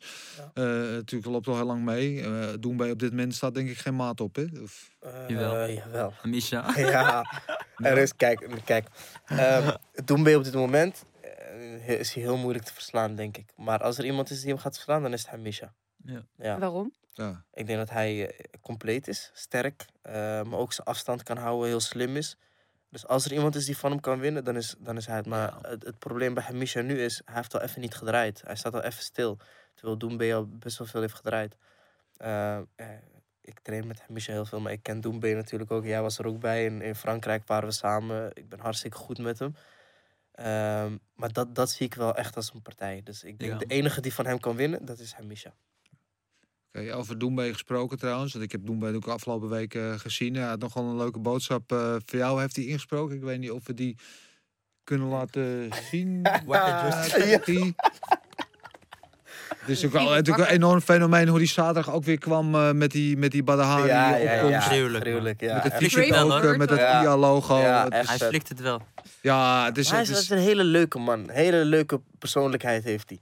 Ja. Dat is het hem. Het is, eh, zo is hij gewoon. Ik vond Hij- het grappig toen hij zei tegen wie wil niet. Hij zegt Rico, let's Ja. fight. ja, ja, ja, ja. Het is, eh, hij is een en al entertainment. Dat is ook een beetje Ja. wat je ook wil zien, toch? Heel, toch? Ja, Ja, ja, natuurlijk. Ja, en eh, die moet het in de met. Maar hij heeft me wel eens verteld, want hij eh, is natuurlijk vechter, hij is de kampioen. Maar dat hij dat hele vechten, trainen, dat hij het eigenlijk maar gewoon kut vindt. Dat wat hij liefst wil worden, was stand-up comedian. Ja. Hij wil entertainer zijn. En dat doet hij ook. Hij heeft af en toe ook, vooral tijdens die lockdown, heeft hij ook gewoon eh, st- stand-up shows weggegeven en alles. En hij zit elke dag, geloof ik, ook de dag voor zijn wedstrijd tot vier, vijf uur s'nachts Instagram live te doen. En allemaal grappig grollen te vertellen. Ja, hij is compleet helemaal. Ja, ja. Maar hij is entertainer. En aangezien hij kon geen stand-up comedian worden, maar hij kon wel aardig knokken, is dit nu zijn manier om, om de mensen te entertainen. Mensen te laten lachen. Ja. Ja, Ik snap ja. het niet, hè, want je hebt toch ook zo'n quote van Mohamed Ali van... I hate it every minute of training en bla Ja. bla. Terwijl ik denk, ik, als ik iets leuk vind, is het wel trainen. Hoe, zie je, hoe kijken jullie daarnaar? Wow, wow. Dat, zegt- die blik zegt alles. Wel met jullie trainers hartstikke leuk ja, volgens nee, maar mij. trainen is leuk. Leuk, maar af en toe heb je toch die moment dat je denkt van... Oh, ik heb toch lekker eh, zin om in mijn bed te liggen in plaats van eh, op de Ja. sportschool te zijn. Maar los van dat, heel je leven staat. Het is niet alleen trainen. precies, heel je is- leven staat in het teken daarvan. Ja. Het ermee te maken inderdaad dat het niet vrijblijvend is. Je moet elke dag, je moet elke dag twee keer trainen. Ja, Ja. Je, je, moet elke, je moet elke ochtend vroeg opstaan. Je moet eh, je eten ja, letten. op je eten letten. Je moet je trainingen doen. Je moet daar goed staan en sterk en scherp staan met je, met je hoofd. eh, is heel je leven staat in het teken daarvan. Ik, ik, ik zou niks liever willen hoor, eh, ver- vergis je niet. Maar je hebt bijvoorbeeld wel eens, eh, ja, dat je gewoon na een paar weken dat je denkt van ja shit man. Had ik maar getennist of zo. dat, dat niet, maar als je denkt van oké, ik, ik heb even rust nodig. Ik wil gewoon even, even weg. Even, Maar kijk, dat, dat heeft met de druk en eh, uitputting te maken. Maar als je gewoon kijkt van, nee, je, je haalt de druk weg en het is gewoon het trainen aan zich. Ja, Heb je dan plezier? Ja, ja tuurlijk. Ik, ik heb, ik, tuurlijk heb ik er eh, plezier in. Maar wat ik zeg, het is meer het moment ergens naartoe werken. Dat is wel echt lijden. Eerlijk is eerlijk. Ik zie dat ook echt als lijden. En daarom, eh, ja, mijn tegenstander, ik, ik haat die persoon ook als ik tegen hem moet vechten. Maar als het dan eenmaal klaar is en ik, ik heb het goed afgesloten zoals ik het in mijn hoofd heb en zoals ik het heb gevisualiseerd. En, en ja, zo- zoals het allemaal gelopen is in mijn hoofd. Ja, dan, dan is niks, die ontlading is zo lekker. En dan, dan gun je jezelf ook om, om te genieten gewoon. ja. Het is, het is, is het het moment dat je van recreant naar professional gaat? Dat is een moment dat voor veel mensen plezier een beetje weg Ja, vroeger was alles leuk. Het Ja, belangrijk wordt. Hoe, hoe kijken jullie daar tegenaan? En hoe ben je daarmee omgegaan? Ja, vroeger was het leuk. Eh gingen we naar eh kickboxgalatjes toe. Eén Ja. één bandje kwamen 60 man mee 60 binnen. man Ja. Ja, je, je, ging, je ging lekker vechten. En daarna ging je... Ja, ik weet nog, als ik had gevochten, dan mijn, eh, mijn cadeautje daarna... dan brachten mijn broers brachten mij naar, naar McDonald's of zo. Ja, toen Kreeg ik... je Happy eh, Meal? ja, kreeg ik... Ja, Ja, kreeg ik, kon ik bij de Happy Meal wat, of bij de, bij de McDonald's wat uitkiezen. En eh, ja, dan is het allemaal zo onschuldig nog. En, maar nu... Ja, nu Ga je morgen weer naar school? Ja, nu, nu hangt er alles vanaf. Nu hangt alles er vanaf. Dus de druk is ook hoger. En hoe gaan jullie daarmee om? Met de druk? Ja, Met die ik- overgang van, van iets wat je Ik vanuit... denk dat het vanzelf gaat hoor. Ik heb er niet echt op gelet, ga ik eerlijk zeggen. Eh, van, eh, van jeugd naar C, B, A. Ja, het, het, het gaat beetje voor beetje rollen. En dan, maar je, je hebt wel het moment dat je denkt van, wow, ik ben nu eigenlijk wel, ja, ik ben nu wel echt een vechter, vechter, snap je? Maar ik heb niet echt. Wanneer was het moment voor jou? Weet je dat nog? Ik denk dat ik misschien toen ik mijn eerste gordel had gepakt bij eh Infusion, dat ik dacht van, eh, oké, ik ben kampioen, wereldkampioen. En eh, ik ben de beste, dacht ik gelijk. ja. Dat moet je ook denken. Ja, tuurlijk. En ja, toen ging ik verdedigen. Won ik op knockout eerste ronde. Verdedig ik hem nog een keer. Won ik weer knockout eerste ronde. Nog een keer. Knockout weer. En toen dacht ik van, oh ja, Ja, er zit wel wat in. ja, er zit wel wat in. Ja, en toen kwam ook, eh, Japan, ook eh, kampioen geworden daar. Bij eh, Blade. En eh, toen kwam One. En toen dacht ik van, oké, ja. Dit is het. Ik, ik had dat denk ik veel eerder. Ik denk dat ik... eh, Bro, je was 14 toen je aanvocht. Maar kom op.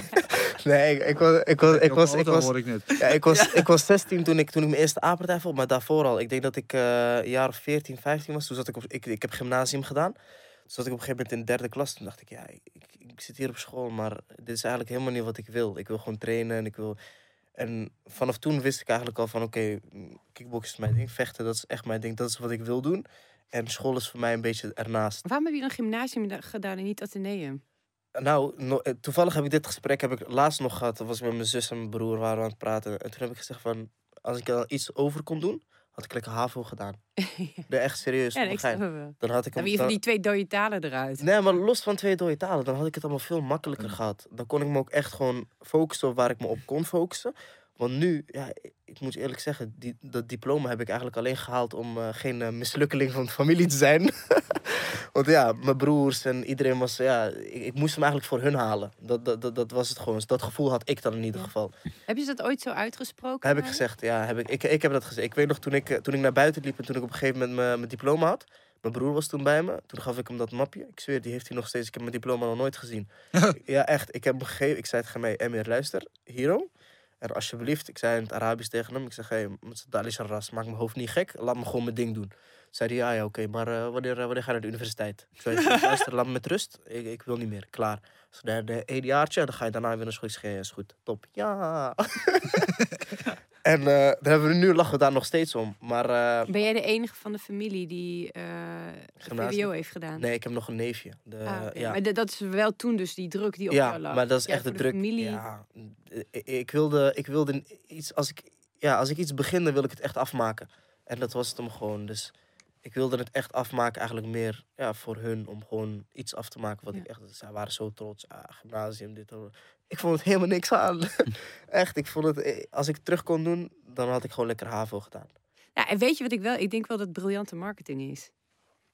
Als, eh, als MMA-vechter met een gymnasiumdiploma. Ik bedoel, je weet hoe, we, hoe in Nederland nog steeds tegen de sport aan wordt gekeken. Ja. Het is nu een stu- een stukje beter. Ja. En eh, daarmee zit je mensen wel op het verkeerde been. En ze gaan gelijk anders tegen jou aankijken. Dus Ja. hoe eerder je in een interview laat vallen dat je gymnasium hebt gedaan, Ja. hoe sneller ze je ineens. Dan ben je niet meer die ASO die mensen in de kooi Ja. eh, te pletten slaat. Nerd.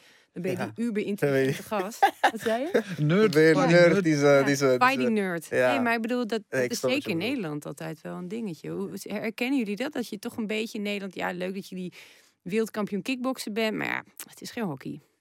ja, de mensen die er niks van af weten. Die, eh, Ik denk dat het hier in Nederland het juist nog steeds leuker begint te vinden, het kickboksen. ja, nu MMA kickboksen in Nederland wordt echt steeds meer... eh, Ja. Maar ja, als je de- mainstream ook, toch? Ja, maar als je de gemiddelde persoon ja, buiten op straat, die zal nog steeds hetzelfde zeggen hoor. Oh nee, al die klap op je gezicht, doe dat maar lekker niet. Doe maar lekker naar huis joh, ga, ga je Ja. school afmaken. ja, Ja. En wat zeggen jullie dan tegen dat soort mensen? ga ik doen. ga ik doen. Nee. nee ja, ze moeten het eens proberen. Ze moeten het een keer gaan proberen, dan gaan ze het eh, vanzelf leuk vinden. Het, lijkt, het lijkt erger dan het is, denk Ja. ik. Nee, maar dat, het, het, is maar, het ligt er maar aan hoe je er naartoe kijkt. Kijk, ik, ik zag MMA vroeger ook als wow, bruut man. Je staat daar, eh, iemand zit daar bebloed op de grond, die Ja. slaat hem op de grond door. Maar nu zie ik het helemaal niet zo. Nu zie ik het echt als staand vechten, worstelen, grond. En eh, eh, snap je? Het is, je, je- je gaat een, een soort van, ja, hoe moet je het noemen? Respect krijgen voor de game. En, en het snappen, iets meer snappen. Eh, dus ja, ik denk, ik denk van, je, moet er, je moet er echt met je hoofd in gaan om echt te weten van oké, het, is, het is helemaal niet zo bruut als dat, als dat mensen denken. Ik wil nog even over eh, Rico hebben. Oh nee, eerst eventjes naar uh, Fakitov Pereira. Was ik benieuwd wat jullie daarvan vonden. Want ik weet bij Team Fakitov waren ze zaterdag heel ontstemd over de uitkomst. eh Goed man. wil zelfs protest aandienen. Ja. Ik weet het niet. Ik dacht ook dat Fakitov wat gewonnen, eerlijk gezegd. Maar ik vond het wel een hele close wedstrijd. Dus ik, Ik- begrijp ook dat ze het andersom hebben Hij was gegeven. Maar... twee jaar uit de game, hè? Ja, maar ik vond hem echt gruwelijk vechten. ik maar ik vond, ik, vond niet, ik vond niet dat je... Kijk, het was een gewaagde wedstrijd, maar ik denk dat Fakitov die partij gewoon had gewonnen hoor. Ja, Ja. ja, dat Was, vond eh, ik ook. vond hem ook echt uh, supergoed. Zet goed druk. Ja, Dus, eh, ja. Hij beweegt ook goed hoor. ja ik vind, ik vind hem stilistisch Ja, is een van de mooiste vechters om naar te kijken. Ja. Lenig ja. Zo goed voetenwerk ook wel met dat Ja. gewicht. Hè. En hij Ja. kan goed boksen, maar ook met zijn trappen. Hij is eigenlijk zo Maar compleet. die Pereira slaat zo hard. Ja. Hij slaat... ik, ik zat erop te letten, maar hij gooit af en toe gewoon hoeken. Maar niet dat hij ze uithaalt, maar gewoon ja, vanaf, vanaf, Vanaf hier. hier, vanaf zijn navel. Maar, ja, maar zoveel power dat daaruit komt eigenlijk alleen uit dit. Ja, maar ik weet niet, die, die gast heeft Ja. echt... eh, dat was van dus bezoeker. Joe, waar ik over wilde hebben. Ja, En die zei dat het genetisch was. Geloven jullie dat? Eh, ja, Krachten. ja, dat 100%. geloof ik ook. 100%. Ja, en, en ja, hij heeft ook een bepaalde mentaliteit. Maar hij heeft echt een oerkracht. Want ik zag hem dus op vorige week in het hotel. En toen was hij aan het petsen met zijn trainer. En hij is klaar met petsen. En hij loopt naar me toe. En dan geeft me een soort semi-vriendschappelijke box op mijn arm. Alsof Ja, die het arm heb ik geloof ik... al- ja, even zo van, hi man. En toen heb ik er wel even een uurtje zo gelopen. Ik, Ja. nou, ik weet niet wat ik dit aan verdiend heb. Maar goed, ik wilde het even met jullie hebben over Rico. Want ik vroeg net aan het begin eh, van de show eh, in, in de dekkinglaag... eh Badr of Rico zei Badr Jamal of Rico zei Jamal. Ja. Eh, ehm, zaterdag won hij dat toernooi. Eigenlijk ja, op zijn sloffen een beetje. Ja. Eh, en ik wil even een lans breken voor, Rico. Daarom dat ik even dat aanzetje had gegeven. Ik vind dat hij vaak eh, toch niet de erkenning krijgt die hij misschien wel verdient. Ja. Rico? Ja, dit- dit- natuurlijk hij is een kampioen en eh, al, al jarenlang. Ja, antwoord daar eens op. Ja, Maar- ik denk dat hij juist wel nu echt eh, Ja, de hemel wordt, ge- Als je eh, s- wordt geprijsd, toch? Ook bij de, echt bij de Nederlandse fans en zo. ja. Maar Maar wat- jij, als jij moet kiezen, kies je niet voor Rico. Of bij jou is hetzelfde verhaal. Kijk, het- bij de Ja. mainstream mensen is, is het buiten kijf dat hij natuurlijk. Maar juist vanuit de community zelf vind ik dat hij vaak weet je, weinig liefde krijgt. Ja, ik denk dat het meer komt omdat, omdat eh, de community zelf weet wat er hiervoor allemaal was. Ik bedoel, niemand kan zeggen dat Rico niet de kampioen is of niet de beste is op dit moment in de zwaargewichten. Dat, dat is hij gewoon. Maar ja, hetzelfde verhaaltje. Kijk naar vroeger, wat er vroeger rondliep. Ik denk dat dat vooral bij mensen rond Ja. blijft.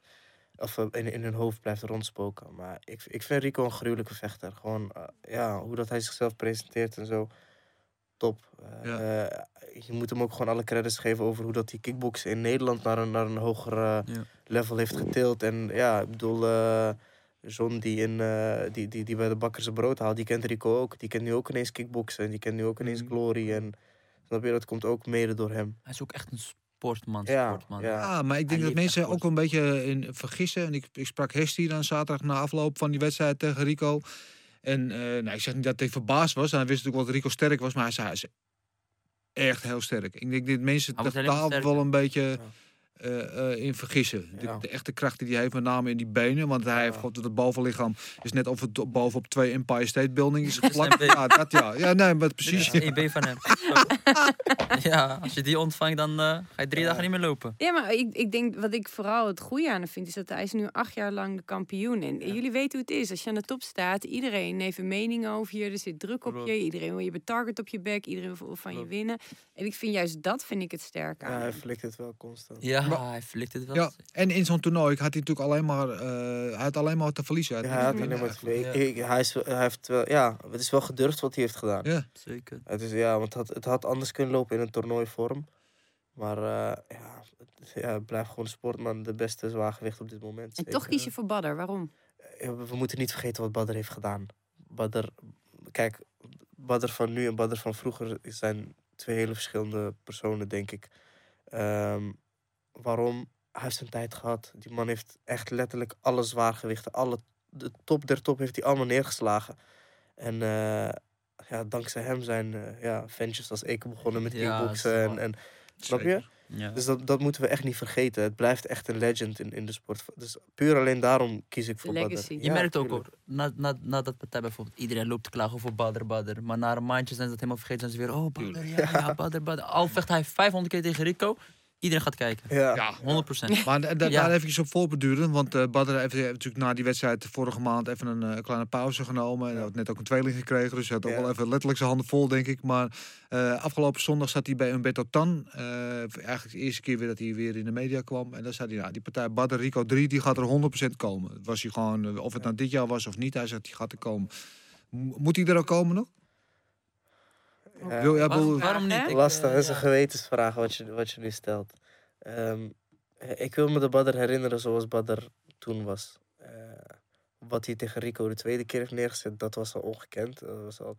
Maar hij is nu wat ouder. Hij is nu ja, echt een familieman, een ander, een ander mens. ja. Ehm, Maar kan hij nog brengen wat hij ooit gebracht? Kan hij dat ik nog geloof in dat hij dat zeker kan. Ja, Ja. Ik geloof dat, ik geloof dat erin zit. Laatste partij tegen Rico. Ja, ik geloof Dat bedoel dat ik, want dat is in wel. En dat Ja. is nu natuurlijk het, waar bij veel mensen, en dat is misschien ook wel de, de cliffhanger, waar veel mensen dat onbevredigende gevoel blijft hangen van wat als, want hij slaat hem twee keer neer, wat als die wedstrijd had afgemaakt. Ja. Zou, zou Rico ook de, het vuur uit Badder kunnen halen wat hij vroeger had? Dat, dat Badder daar heel veel vuur uit haalt, waardoor hij kan excelleren?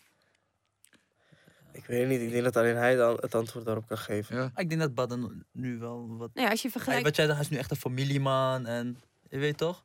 Ja, maar als je die twee partijen met elkaar vergelijkt, Ja. hoe die tegen Rico deed in zijn laatste partij. Maar ook de twee keer tegen Rico. Was, was je nu de tweede keer tegen Rico, was hij natuurlijk Ja, Precies. veel scherper. Super sterk man. Ja. En, dacht, en toen zag je weer een glimp van, van, Ja, van, van juist wat je was, zien ja. van, Ja. van de Badr. Ja. Ja. Klopt. Ja. En eh, wat vonden jullie van Tarek? Ik vond Tarek, keer ik, bij- Tarek tegen Levi was voor mij misschien wel de partij van de avond. Ja. Wat een Ja. kluinpartij. Van allebei, ook van Levi die vorige maand nog een, eh, een toernooi heeft gevochten. Ja. Een tien dagen eh notie erin stapt, eigenlijk ook niet echt voorbereid. Ja. En dan tegen de tank gaat staan, want godverdomme, dan komt, Ja, niet normaal, die hè? komt er alleen maar recht vooruit, probeert dwars door je heen te denderen. Tegen wie willen jullie Rico nu zien? Wat zeg je? Alsof ik nu de vraag... Ja, Ja, ja, kom maar. taking over. Wil je hier zitten? Geen Marokkaan. Tegen wie willen jullie eh, Rico nu eh, zien vechten? Ja, Ik, sowieso ik vraag Ben- me af of hij Jamal? überhaupt snel weer die ring in gaat. Want hij, eh, hij hint op allemaal andere projecten, filmprojecten en dat soort dingen die hij doet. Ja, Dus ik van, zie je Ik denk dat dat heel erg te maken heeft wat er nu ook gaat gebeuren met corona. Met, met die filmcarrière die hij ambieert. Precies. Maar kan dat nu wel doorgaan? Met, als dat allemaal op de lange baan wordt geschoven, nu door corona, dan gaat hij misschien wel weer sneller vechten. En inderdaad, die partij tegen Jamal, want daarom vroeg ik aan jou, Ja, Jamal of Rico, jij zegt Jamal. Is ook wel een wedstrijd ook met een verhaal eh, die veel mensen nog willen zien. En ik, ik zou die wedstrijd in ieder geval wel willen zien. En dat is wat mij betreft denk ik wel de wedstrijd die ze nu Ja, moeten gaan maken, toch? zeker. Ja. Zeker. Ja. Ja. En jij zegt dan Jamal, want? Ehm, Jamal, sowieso omdat hij veel heeft meegemaakt ook. In zijn, in zijn... Ik heb gewoon sowieso respect voor hem toen hij bijvoorbeeld, hoe hij nou, die laatst tegen Badr had gevochten? Ja, dat hij met één hand naar beneden heeft geslagen, al was zijn arm gebroken, snap je? Maar ook die man is gewoon respectvol, rustig. Earth, Ja, snap je? Doet ja. gewoon zijn ding. Komt om te knokken. En eh, ja, hij heeft een eh, niet leuk verleden gehad. En hoe ik hem laatst zag, hoe hij afgetraind was, dacht ik van Ja, oké, dit is de Jamal. beter uit dan eh, ooit, ja. ja die ja, echt, Zo goed heeft hij er nooit uitgezien. ja, Ja, dus eh, daarom. Maar altijd al Jamal hoor. Ja, zeker. Ja, nou, laten we het hopen dat die partij dan volgend is. En laten we Mhm. hopen dat er dan misschien ook weer een beetje publiek bij mag. Ehm dat is zijde. Ik wil met jullie naar de, de Mount Rushmore. Ik, misschien even... Het, vorige week voor het eerst... Van, ja, van, Van de Doembe. ja, joh, die, Ja, waar is het bericht van Doembe? Gaan we nog komen. Kijk, we gaan eerst naar de Mount Fightmore. Die hebben we hier. Eh, zoals gezegd, de, de, onze founding fathers van de, van de vechtsport, van de Nederlandse vechtsport. Hammeloes eh, zijn het Ramon Dekkers en eh, Bruce Lee. Van mij zijn het John Bloeming en Bas Rutte. En nou, we hadden natuurlijk nog duizenden andere namen op kunnen zetten. Maar we mochten er allebei maar twee kiezen. Ik wil van jullie allebei één naam hebben. Wie wat jullie betreft aan de, eh, de Mount Fightboard zou moeten komen. Jullie founding father, jullie grootste inspiratie van het vechtsport. Ik ga deze keer, want dan ga je weer zeggen dat je niet langer mag nadenken. Ik ga deze keer aan deze kant beginnen. ja, ik denk dat iedereen het weet. Eh, ik denk mijn vader. Ja, sowieso. Nee, vind ik heel mooi. Je Ja, nee, ik weet- ik weet het, we hebben-? Precies. Ja, ik denk mijn vader. vader nog steeds, omdat hij achter me staat en eh, me altijd support. Ehm, ja, mijn vader komt ook gewoon bij de training nog steeds kijken. Probeert eh, zo veel mogelijk voor mij te doen. Al kan die bijvoorbeeld eh, iets niet, probeert hij het gewoon, snap je? Ja. Dus hij belt me elke dag op en eh, ja, volgt me ook op Instagram altijd mooie berichtjes. Dat sowieso in mijn pa, ja. Zeker. Ja, hij heeft echt die martial arts mentality heeft hij ook. ja, hè? Die ja, ja, ja, mijn vader was ook vroeger altijd een vechter geweest. karate. En, ja, karate, ja. Hij deed ook een tijdje kickboksen, maar toen in die tijd was karate echt eh, de De ding. bom. Ja. Ja. ja. ik denk, eh, ja, mijn pa zou ik daar, zou ik daar plaatsen. Naast Bruce Lee, dat tussen. Maar goed, in plaats van Bruce Lee gewoon. Ja. Ja. Nee, opzouten. En jij? Maar dat is, dat is echt volledig persoonlijk. Gewoon wie is voor wie, wie, wie moet er Ja, gewoon wie eh, persoonlijk, ja. Ehm, ja, lastig. Ik, ik denk dat ik persoonlijk, maar dat is iemand van deze tijd, denk ik. Eh, en voor de situatie waarin ik, waarin ik nu zit, zeg maar, met, vanuit kickboksen naar het MMA, denk ik dat ik Adesanya daar zou plaatsen. Je? Ja. Interessante keuze. Ja. En waarom? Ja, hij komt van staand. Hij gaat daar naartoe. Hij maakt eigenlijk alles kapot en het wordt gewoon een superster van ja, Ja. Dat is een ongekende pad wat jij gaat volgen. Ja, dat is ja, 100 procent. Ja. Ja, inshallah. Dat is, dat is, Oh, een leuke ja. naam. Leuk. dus Ja. ik, ja, ik moet, niet verwacht. voor hem gaan. jij en papa. ja. Ja, dat vind ik allemaal mooi, want Adesanya heeft natuurlijk wat Conor in het begin ook een beetje eh, eh, had. Elke thesis, ja, maar deze kan goed worstelen, hier kan hij echt niet van winnen. Ja, maar deze is deze het kan niet winnen. Elke keer Dat en is, dan klipt hij maar dat is die zelfvertrouwen. Als je niet in jezelf gelooft, dan ga maar lekker ergens anders eh, Ja. sp- eh, spelletje spelen. Maar dat is het hem. En als je daar echt in gelooft, ja, 100 procent. Ja, Dat, dat is, dit is precies wat ik wil doen en wat ik ga doen.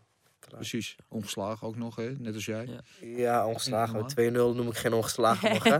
Dat is... eh, Hij is nee, nog kom. de nul. Nee, ja, het- er staat nog een 0, maar 2-0 is, dat noem ik nog geen ongeslagen. Kijk, als je dadelijk... eh, Je moet ergens beginnen. ja, Voorbij dat de 10 zeker. mag Ja, voorbij de 10, dan mag je zeggen van... Oké, ik ben ongeslagen nog in het MMA. Met 2-0, 5-0, nee man. En jij? Nou ja, Bruce Lee en eh, Ramon Dekkers. En Ramon Dekkers is eigenlijk echt vanuit mijn hart. Ja. En eh, Bruce Lee is omdat ik gewoon vind, die heeft zoveel mensen geïnspireerd. Ja. En eh, van, van Roemer, mijn partner, die is daardoor gaan vechten tot, eh, wat ik vorige week zei, Scott Coker, die CEO, dat is zijn grote favoriet. Echt? En hij heeft dan ook over dat hij echt een martial artist. En Ja. er, is, er is een groot verschil tussen of je een vechter bent die iemand gewoon baat op Was ook een lichtgewicht, hè? Ja. Ook ongeveer 63 of zo. Ja. Ja. En, eh, en of dat je gewoon eh, de martial arts beleeft. Dat je er bepaalde normen en waarden bij hebt. En eh, filosofie bij. En, eh, Ja, Raymond Dekkers vind ik ook echt... eh, Mike Tyson hoort er ook tussen. ik vind hem een fucking held. Je hebt hem ontmoet, hè? Vertel eens even. ja. Ja, ja, wat moet ik van zeggen? Ik heb, eh, we waren toen naar Amerika gegaan. Daar was een ontmoeting gepland. eh, was samen met een vriend van mij uit mijn Azaitar. Eh zijn we daar naar Amerika geweest, hebben we hem ontmoet. Hebben we daar eh, met hem zitten praten. Ja, maar even serieus, je gaat niet te snel. Als ik Mike Tyson zou moeten, dan zou ik niet denken, oh ja, Mike Tyson moet. Ik zou gewoon dat kneten hype zijn. Ja, in ieder geval met eyeliner. Ja, nee, ik zeg eerlijk, dit was wel echt gruwelijk. Dit was echt gruwelijk. Maar Hoe is het als eh, zo'n man de kamer binnenkomt? eh, aura. Je, je, je merkt gelijk dat er iemand is. Eh, ja, ik, kan, ik kan zijn hele geschiedenis kan ik, voor jou, eh, kan ik voor jou opnoemen, snap je? Dus ik heb daar altijd van kleins af aan naar gekeken. Vanuit mijn broers kreeg ik dat mee, vanuit alles. En dan op een gegeven moment, ja, dan komt die man. Dan zie je op een gegeven moment een ouder, wat oudere man binnenlopen. En, maar nog steeds merk je van, hey shit man, dat is gewoon Mike Tyson. Ging die zitten met zijn leren jas, waren een beetje aan het praten. Ja, dat, ja superleuk. Het is een van de mooiste dingen die ik heb meegemaakt. En hoe eh, praat hij dan? Stelt hij dan ook vragen? ja, ja, we waren, hij, hij vroeg me, hij heeft wedstrijden van me gezien. We waren aan het praten over vechten. Ja, na dat filmpje dat toen heel de wereld over is gegaan. Ja. Eh, Kijk, ik wist, ik wist dat hij, in ieder geval wat ik ervan heb meegekregen in de media, is dat hij niet graag over zijn verleden praat. Maar dat was ook een hele tijd zo. Ja, maar dat was ook zo. Dus eigenlijk, ja, eigenlijk tot aan dat moment. Dus ik denk bij mezelf, ja, ik ga geen gekke dingen vragen of iets. Maar het was zo, ja, zo'n leuke sfeer en zo losjes. Op een gegeven moment waren we over vechten aan het praten. En toen bekeek hij zeg maar, mijn Bellator debuut eh, destijds. En een paar kickboxpartijen waren we toen aan het kijken, waren we erover aan het praten. Dus ik ging vragen stellen. En we waren zo een beetje heen en weer aan het pingpongen. En toen zei hij, eh, kom sta op, ga ik je wat laten zien. Nou, toevallig was er iemand bij me die zijn telefoon in zijn handen had. Ja, ja, ja. Je had dat gefilmd. Nou, je hebt gezien, het filmpje is overal. eh, Ja, die- want ik die zag dat filmpje. Ik weet nog heel goed dat ik, ik zie Mike Tyson zie ik echt met, met, met die body shot, uppercut, de combinatie voordoen. En ik denk dat lijkt Boelight wat hij erbij zit zit te kijken. God, dit is. Dat is hem. Wat de hel. Ja, Ja, dus word ik echt springen thuis. Ja, Want- nou, je hebt geen idee. Iedereen heeft me gebeld. Ja, Gewoon man. wereldwijd. Snap. Iedereen. Hé, hey, eh, dat ben jij toch? Echt? Ja. Ik zeg, ja, dat ben ik, man. Ja, Wat? eh, Wat? Ja, want als je het over de, de maand Fightmore hebt, voor mij... Ja. Want Ja. ik heb twee Nederlanders gekozen, maar eh, in alle eerlijkheid... eh, als jongen van, eh, van nou, wat was ik, eh eh 14 zo, dat Mike Tyson, ja, zoiets 13, 14, dat hij een beetje begon te huishouden in die heavyweight Ja. divisie. Haalde mijn vader haalde mij s'nachts uit bed. Dan gingen we Ja, samen Mike Tyson Mike kijken. Tyson, en dan had ik meestal had ik net beslapen uit mijn ogen gewerkt, kon ik weer mijn nest in. Was die wedstrijd alweer afgelopen. Ja, is echt. Maar dat is voor mij mijn eerste, weet je, wat ik aan, aan, aan- als ik aan denk aan vechtsport-iconen, de eerste die bij mij dan wat dat betreft naar binnen schiet. Ja, Maar- ja dit, dit, wa- dit was echt vet. Maar ik ben hem daarna nog een keertje tegengekomen. Dat was, dat was even snel. Eh, waar wij zeg maar, hem hebben ontmoet, dat was in zijn Mike Tyson Ranch. Dat is in Los Angeles. Daarna vlogen we af naar... Roken. eh, oh ja, roken. Ja, man. Die man zit constant jointjes aan het roken. Hij vroeg me ook, hè. Hij zegt, hey, hij zegt, Do you- eh, do you want to smoke? Ik zeg, eh, nee man, ik rook niet. Hij zo, eh, you're from Amsterdam and you don't smoke? ik ja. Ik zo, nee, nee. Ik als ik, maar in ieder geval, als ik met iemand zou roken, zou ik het met jou doen. Maar ik heb het nooit gedaan. Wel echt een hele goede imitatie. Ja. maar dat is echt goed. Voor dan. Dus op een Ik gegeven moment... ik zou, ik zou het misschien "Wait, ik heb met mij Tyson gerookt. Bro, samen." ik zweer het. Het ging echt uit mijn hoofd heen. Maar ik heb het niet... Ik dacht bij mezelf, nee man, dat kan, dat kan niet. Maar het is, het is... Daarna op een gegeven moment vlogen we naar Los Angeles, eh, naar Las Vegas. Waren we daar eh, twee weken. Maar na een paar dagen hadden we op een gegeven moment eh, PFL, ken je wel toch? Ja. En maar hij is daar ook... eh, ja, ik weet niet. Hij zit in ieder geval ook eh, met daar, Sefo. Ja, ja. Dus ja, wij zaten daar gewoon echt cage-side. Zaten we te praten. Ik was daar met eh, Ali Abdelaziz, eh, manager van Gabib en al die jongens met Utman. En eh, we waren dus een beetje zo aan het praten. En toen kwam hij langsgelopen. Komt hij even langsgelopen. Nou, hij kent ons, dus ging, ging hij ons box geven. Komt hij met ons praten. Ik denk, hey, relax Ja, man. ja. Ik zit er maar thuis, ik kom mijn box geven. Hij gaat zitten. Ja, man. Wauw. Die staat Ja, echt vet. Ja, dit was, eh, ja, eh, dat zijn leuke dingen. Dat zijn echt leuke dingen. Ik zal nooit vergeten. Ja. Oude garde. Weet je Ja. wie daar ook echt, echt, ik zeg eerlijk, daar, niet omdat ik met hem train, maar Melvin Manhoef. Nog maar, ja. Maar goed, wij zeiden toen vorige week toen we dit onderdeel introduceerden. Kijk, eh, er zijn nog, weet je... We hadden al slaande ruzie gehad in de weken ervoor. Kijk, Jan Plas, die het kickboksen hier heeft gezet, zou er ook in kunnen. Weet je, de, de K1 Legends, Peter en Sam en, en weet je, Remy. Remy en, Ja, maar die, die, eh, die- en Esto, die hoorden daar natuurlijk ook bij. En weet je, nou, er zijn, de lijst Nederlandse ja. toppers is gewoon eindeloos. Dus we moeten, ja, Ja, man. 44 Taalman, die voor mij eigenlijk het begin van het kickboksen was ook had wat mij bij moeten. En zo zijn er nog wel een heleboel, weet je. En, en, Maar ja, waarom ik dat zeg, omdat je weet toch, ik train met hem en ik zie gewoon hoe die traint, een man van 44 jaar. Ja. jij hebt nog met hem getraind, hè? Ik zeg gewoon een filmpje. Vanochtend was het trainen. Ja, ik was hij train in nog nog met hem om 8 uur. Ja. Die man traint gewoon Ik denk dat even van de- 20 is. Meest mentaal sterke mensen. Ja, niet normaal. Ja. Hij is, echt, hij is echt een voorbeeld op dat gebied. Ja. Echt een voorbeeld hoor. Ja. En iemand die er misschien ook wel eh, bij had gekund, die natuurlijk ook aan een legendarische carrière nog steeds bezig is.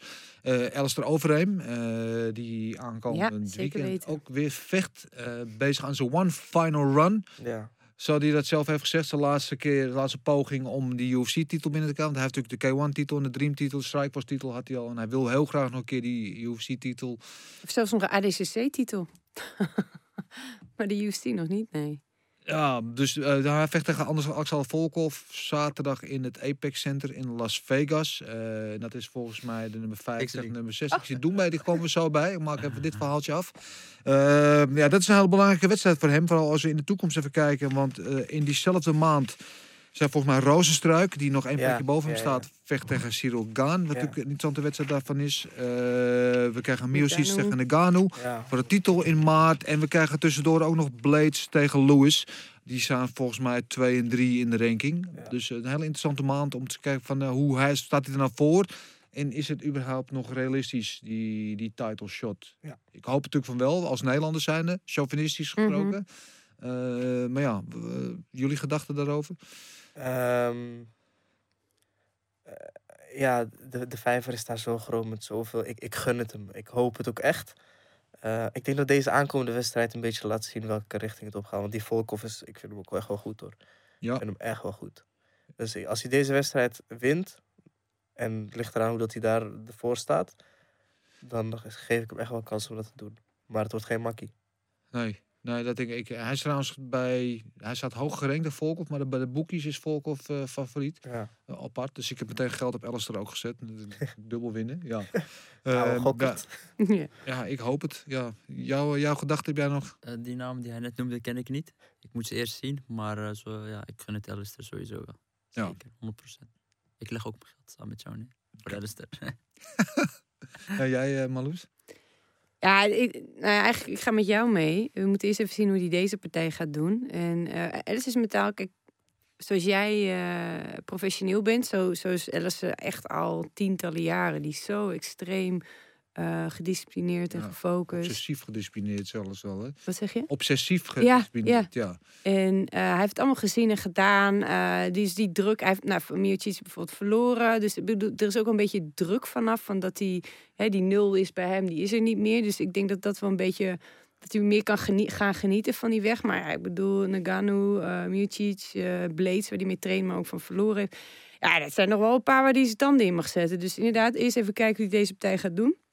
En ik hoop, ik, oprecht, ik hoop het heel hard. Nagano heeft hij al tegen gevochten, toch? Ja, één keer. Ja, tegen Nagano heeft nog, Ja. en tegen, ja, en tegen, eigenlijk, eh. En tegen En Miocic heeft hij ook gevochten om de titel. Toen door verloor hij. Dat Hij heeft tegen iedereen gevochten. Ja, Ja, Ja. En, en tegen, tegen Blades heeft hij ook, en dat vind ik dan weer mooi in Alistair, van Blades verloor hij. En toen dacht hij van, nee, dit is wel interessant wat jij doet. En dat zijn nu trainingspartners, die zitten in Eh, dat wist ik niet eens. Gruwelijk. Ja, ja. In, in Ja. Denver, eh, eh, dus dat zijn teammates.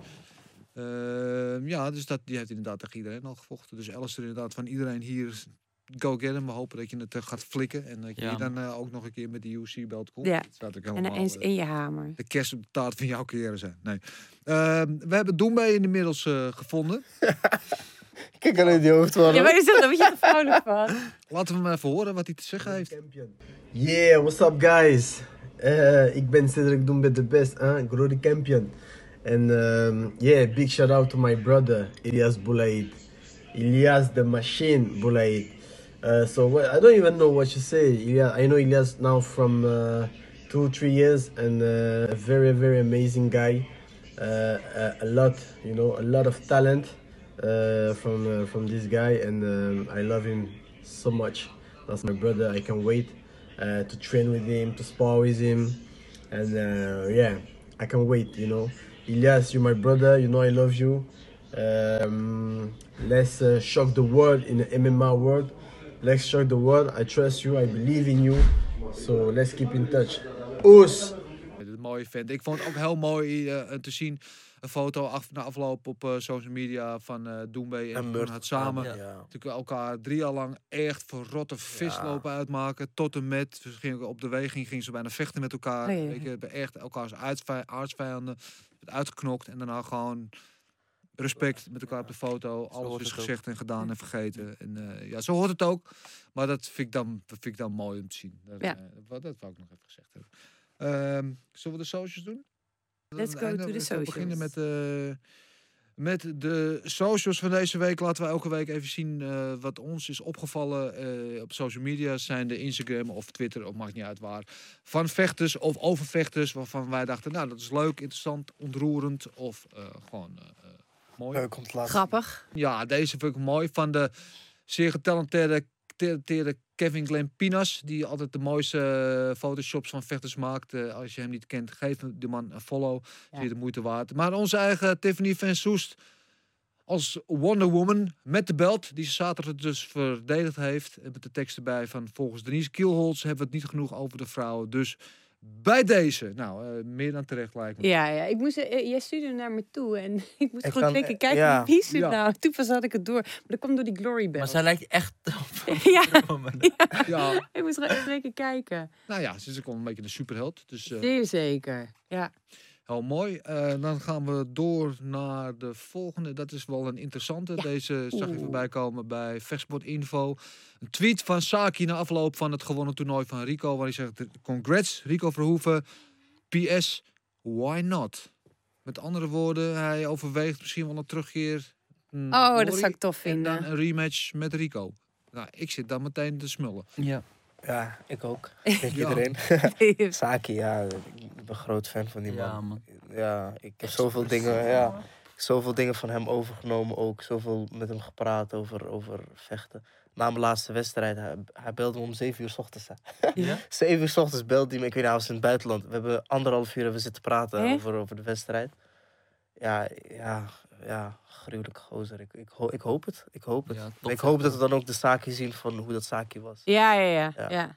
Ja, nou, ik, dus denk ik een wedstrijd die heel veel kickboxfans eh eh toejuichen. Maar Loes, jij zei ook meteen ja. Ja, ik ben een grote fan van Saki. ik Hoe ook. hij combineert, het is... Oh man. Ja, explosief hè? En ik vind hem ook echt leuk. Het is gewoon een leuke gast ook. Ja, en de geruchten zijn, maar Oeh. het wel zijn geruchten dat hij al eh, weg is, zou zijn bij de UFC. Dat dat een afgesloten boek is. En dat hij ook daadwerkelijk in gesprek is met Glory eh, over iets. Nou. Dus, maar nogmaals, dat zijn geruchten. Kom maar door. Mm, ja, laten we het hopen. Laten we het hopen. Je zit natuurlijk wel dicht bij het vuur, dus ik eh, heb er wel een goed gevoel eh, over dat dit wel eens... dat- ja, maar ik ben ook een oude roddeltante, dus ik kan ook gewoon van alles. Hij kan ook zijn handen Goed. branden. Eh, op naar de volgende. Eh, ja, deze vond ik ook mooi. Ja! Eh, Gabi Garcia, die Kayla Harrison eh, van PFL eh, eh, ervan beticht dat ze voor haar wegrent. Nou, als ik Gabi Garcia voor me zie, dan zou ik ook wegrennen, dat om te beginnen. Voor wie dat niet weet, Kayla Harrison is de judo-olympisch kampioene, Ja. die inmiddels eh MMA is 155 overgestapt. Ja, ik, ik, tot nu toe ik ook heb haar toen zien vechten daar bij PFL, toen Ja, het Mike is Tyson. wel een fenomeen, hè? Ja, ze is een beetje de nieuwe Ronda Rousey. Ja, precies. Nou ja, ook natuurlijk een ex-judoka. Ja. En ook de uitstraling en, en ook wel de, beetje de, de smack talk en alles Ja. wat erbij hoort. Ja. Eh, maar eh, ja, ik snap deze hele discussie niet. Want die Gabi Garcia is gewoon een heavyweight. Nee, maar, ja, maar zij, zij vecht in, eh, in Japan natuurlijk tegen... zij vecht nog tegen een vrouw... Toen ik mijn eerste partij in eh, Japan vocht, Ja. dus begrijp in het jaar 2000... Toen was er een vrouw, die was toen al ouder dan ik. En daar heeft Gabi Garcia vorig jaar tegen gevochten. Ik bedoel, ze vecht tegen opgewarmde lijken. Tegen iedereen Ja, ja, die maar 50 kilo lichter is. Maar ze komt dus uit de BJJ. eh. Ja. Eh, en volgens mij heeft ze ook een ziekte. Dat ze dus zo groot wordt en niet stopt met groeien. Op een gegeven moment is ze ook wat anders dan pannenkoeken gaan eten. Dus toen eh, werd ze van heel erg dik, heel erg gespierd. Ja, ik vind het, ik vind het een farce. Ik vind het een aanfluiting. Ik, vind het, ik kan hier niet van genieten. Ik vind het echt. Nee, ik heb ook al het vermoeden dat af en toe wel eens een verkeerd poedertje of eh, iets Ja, dat eh, bedoel ik. Het van pannenkoeken overgeschakeld. Ja. Ik zet wat netter. Voorsmiet, ja. Wat een lekker wijf, hè? Wat zei je? Je vindt het Wel lekker wijf. Jij vindt het wel lekker. Ik zal je Nee, nee, nummer even geven na de uitzending. Wat zeg je? Ja, maar dat is Ja, van, ik, ik Hallo? Laten we daarover ook duidelijk zijn. Maar dit is gewoon niet eh, eerlijk. Oké, nou, eh, nou, al onzin, maar ik vond het wel eh, grappig om eventjes eh, te bespreken. En Kayla Harrison, dat, dat vind ik dan wel overigens heel interessant. Want PFL heeft laatst, heeft laatst eh, Clarissa Shields getekend. Ja. De, de bokskampioene. Tweevoudig Olympisch kampioene ook. En nu, eh, ja, fenomeen echt. Verloren in, eh of won in 2016 de finale van onze eigen Noeska Fontijn. Ja. En die heeft nu de overstap gemaakt naar eh, PFL. Train met Chris Cyborg en train nu in New Mexico met... eh, John Jones. De John Jones ook, ja. En dat is een wedstrijd natuurlijk wat nu, wat zij zeggen, dat wordt de grote money fight op de termijn. Die donkere Harrison meid, toch? Ja, ja. Zij- ik- ja. boksend, Ja, gruwelijk. Ja, klopt, zij klopt. niet normaal. Ze is Ja, boksend echt goed. Ik heb het gezien dat ze nu een beetje eh, met John Jones aan het, Ja, aan het precies. werk is. Ja, mooi. Dus dat vind ik een eh, geloofwaardigere wedstrijd dan eh Gabi Garcia. Maar leuk geprobeerd. Je kan het altijd proberen. En dan de laatste, dat is de, de social waar wij het allermeeste van genieten. Laat me zien.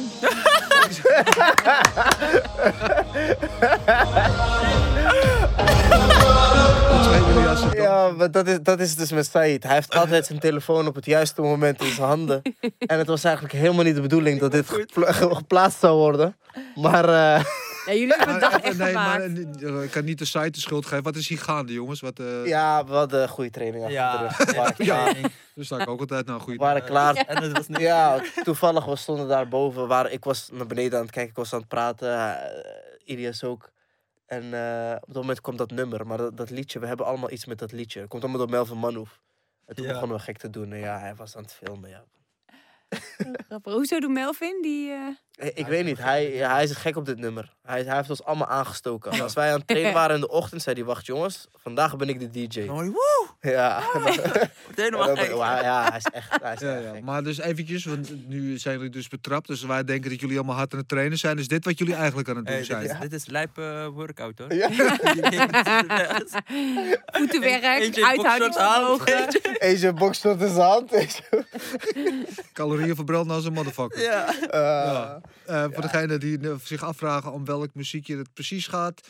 eh, en die, of die het misschien nog gewoon een paar keer willen zien. dit fragment staat ook op onze eigen Instagram pagina. Dus ik kan je er nog even lekker van nagenieten. Ik heb het al een paar keer gezien. Ik moet er nog eens om lachen. Jullie Ja. dus ook Ik heb ook blijkbaar. een paar keer doorgestuurd aan mensen. maar- Ja, Oh.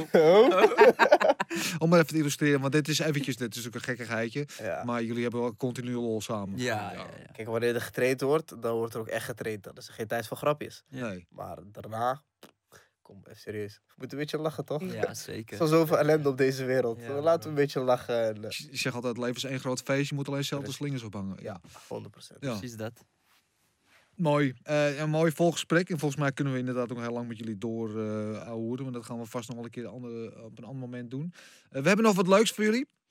Eh, natuurlijk eh, eh, eh, gemaakt voor jullie door de enige echte, onvervalste, onverslaanbare Pencil Sensei. Grote getalenteerdheid. jullie getekend. Gruwelijk. Eh, deze tekening krijgen jullie ook gewoon eh, om een mooi plekje te geven ergens. Eh, maar nu heb je deze hem hier vet. alvast even. Echt gruwelijk. Ja, en wie heeft deze gemaakt? Dat is eh Pencil Sensei, a.k.a. Roemer Trompert. eh, A.k.a.. A.k.a. eh, eh, man van... Man van-? Hè? Nou, ik heb... Oh, ja! Dat had je ook weer op social Ja, net, gepost. nee, ja. Ik zat echt te denken, wat moet ik nou tekenen? Wat moet ik nou tekenen? Ik zei, nou, ik heb nog een goede. voor je. Ja. Ja, Hey, En jij met je iconische pose. ja, Ja, dat is zo pose. Die we van de week natuurlijk ook eh, nog voorbij zagen komen met eh, Nick Diaz. Die dat eh, in de Ja, tijd ja. even Ja, het dus ik zag hem ook nog voorbij. Net in de auto heb ik hem nog voorbij zien Ja. komen. Ja. Ja. Echt Dat was gruwelijk. gisteren zes jaar geleden dat hij dat deed. Maar jij was zo briljant. Jij doet hem nog anders. Echt hoe je daar ging liggen en die partij. Ik dacht dat ik dood neer. Dat was zo goed. Echt Ja, gruwelijk. spontane dingen zijn altijd leuk. Ja, eh, echt. ja, maar ook gewoon die kop die je erbij trok. Ja, niks aan de hand, alsjeblieft. Schitterend. maar in ieder geval een leuk aandenken voor jullie aan, eh, aan deze eh, eh, Die kap geweldige podcast. Ja, echt. Eh, check deze man ook op Instagram, Pencil Sensei, voor al zijn eh, kunst en meer. Ehm, jongens, hartelijk bedankt Jullie ook. voor jullie bedankt. Ik vond het weer een uitstekende middag. Ja. Zo, ik heb weer gelachen en we hebben mooie verhalen gehoord. En eh, we zijn weer wat wijzer geworden over jullie toekomst en over jullie verleden. En misschien jullie graag nog een keer terug, zou ik Ja, zeggen. Ja, 100%. Loes, Dankjewel. dankjewel. Jij bent volgende week weer. Jullie allemaal weer bedankt voor het kijken. Vergeet ons niet eventjes een follow te geven op Instagram. En zoals gezegd dus eh, op YouTube, Vechtersbazen. Eh, op Spotify ook gewoon Vechtersbazen. En het geldt, hetzelfde geldt voor Apple Podcast. En eh, deze trui, eh, die kan je nog steeds winnen. Dus zorg eventjes dat je ons eh, followt en liked. En dat je het even deelt. En laat dan even een screenshot van zien in onze comments. En dan zorgen wij dat eh, de winnaar binnen de kortste keren deze originele vechtersbazen hoodie krijgt. En daar kan je natuurlijk wel rustig mee op straat. Ik Dacht ik wel, ben je voor veilig? Dat wou ik zeggen. Jongens, bedankt voor het kijken. We zijn er volgende week weer. Oes!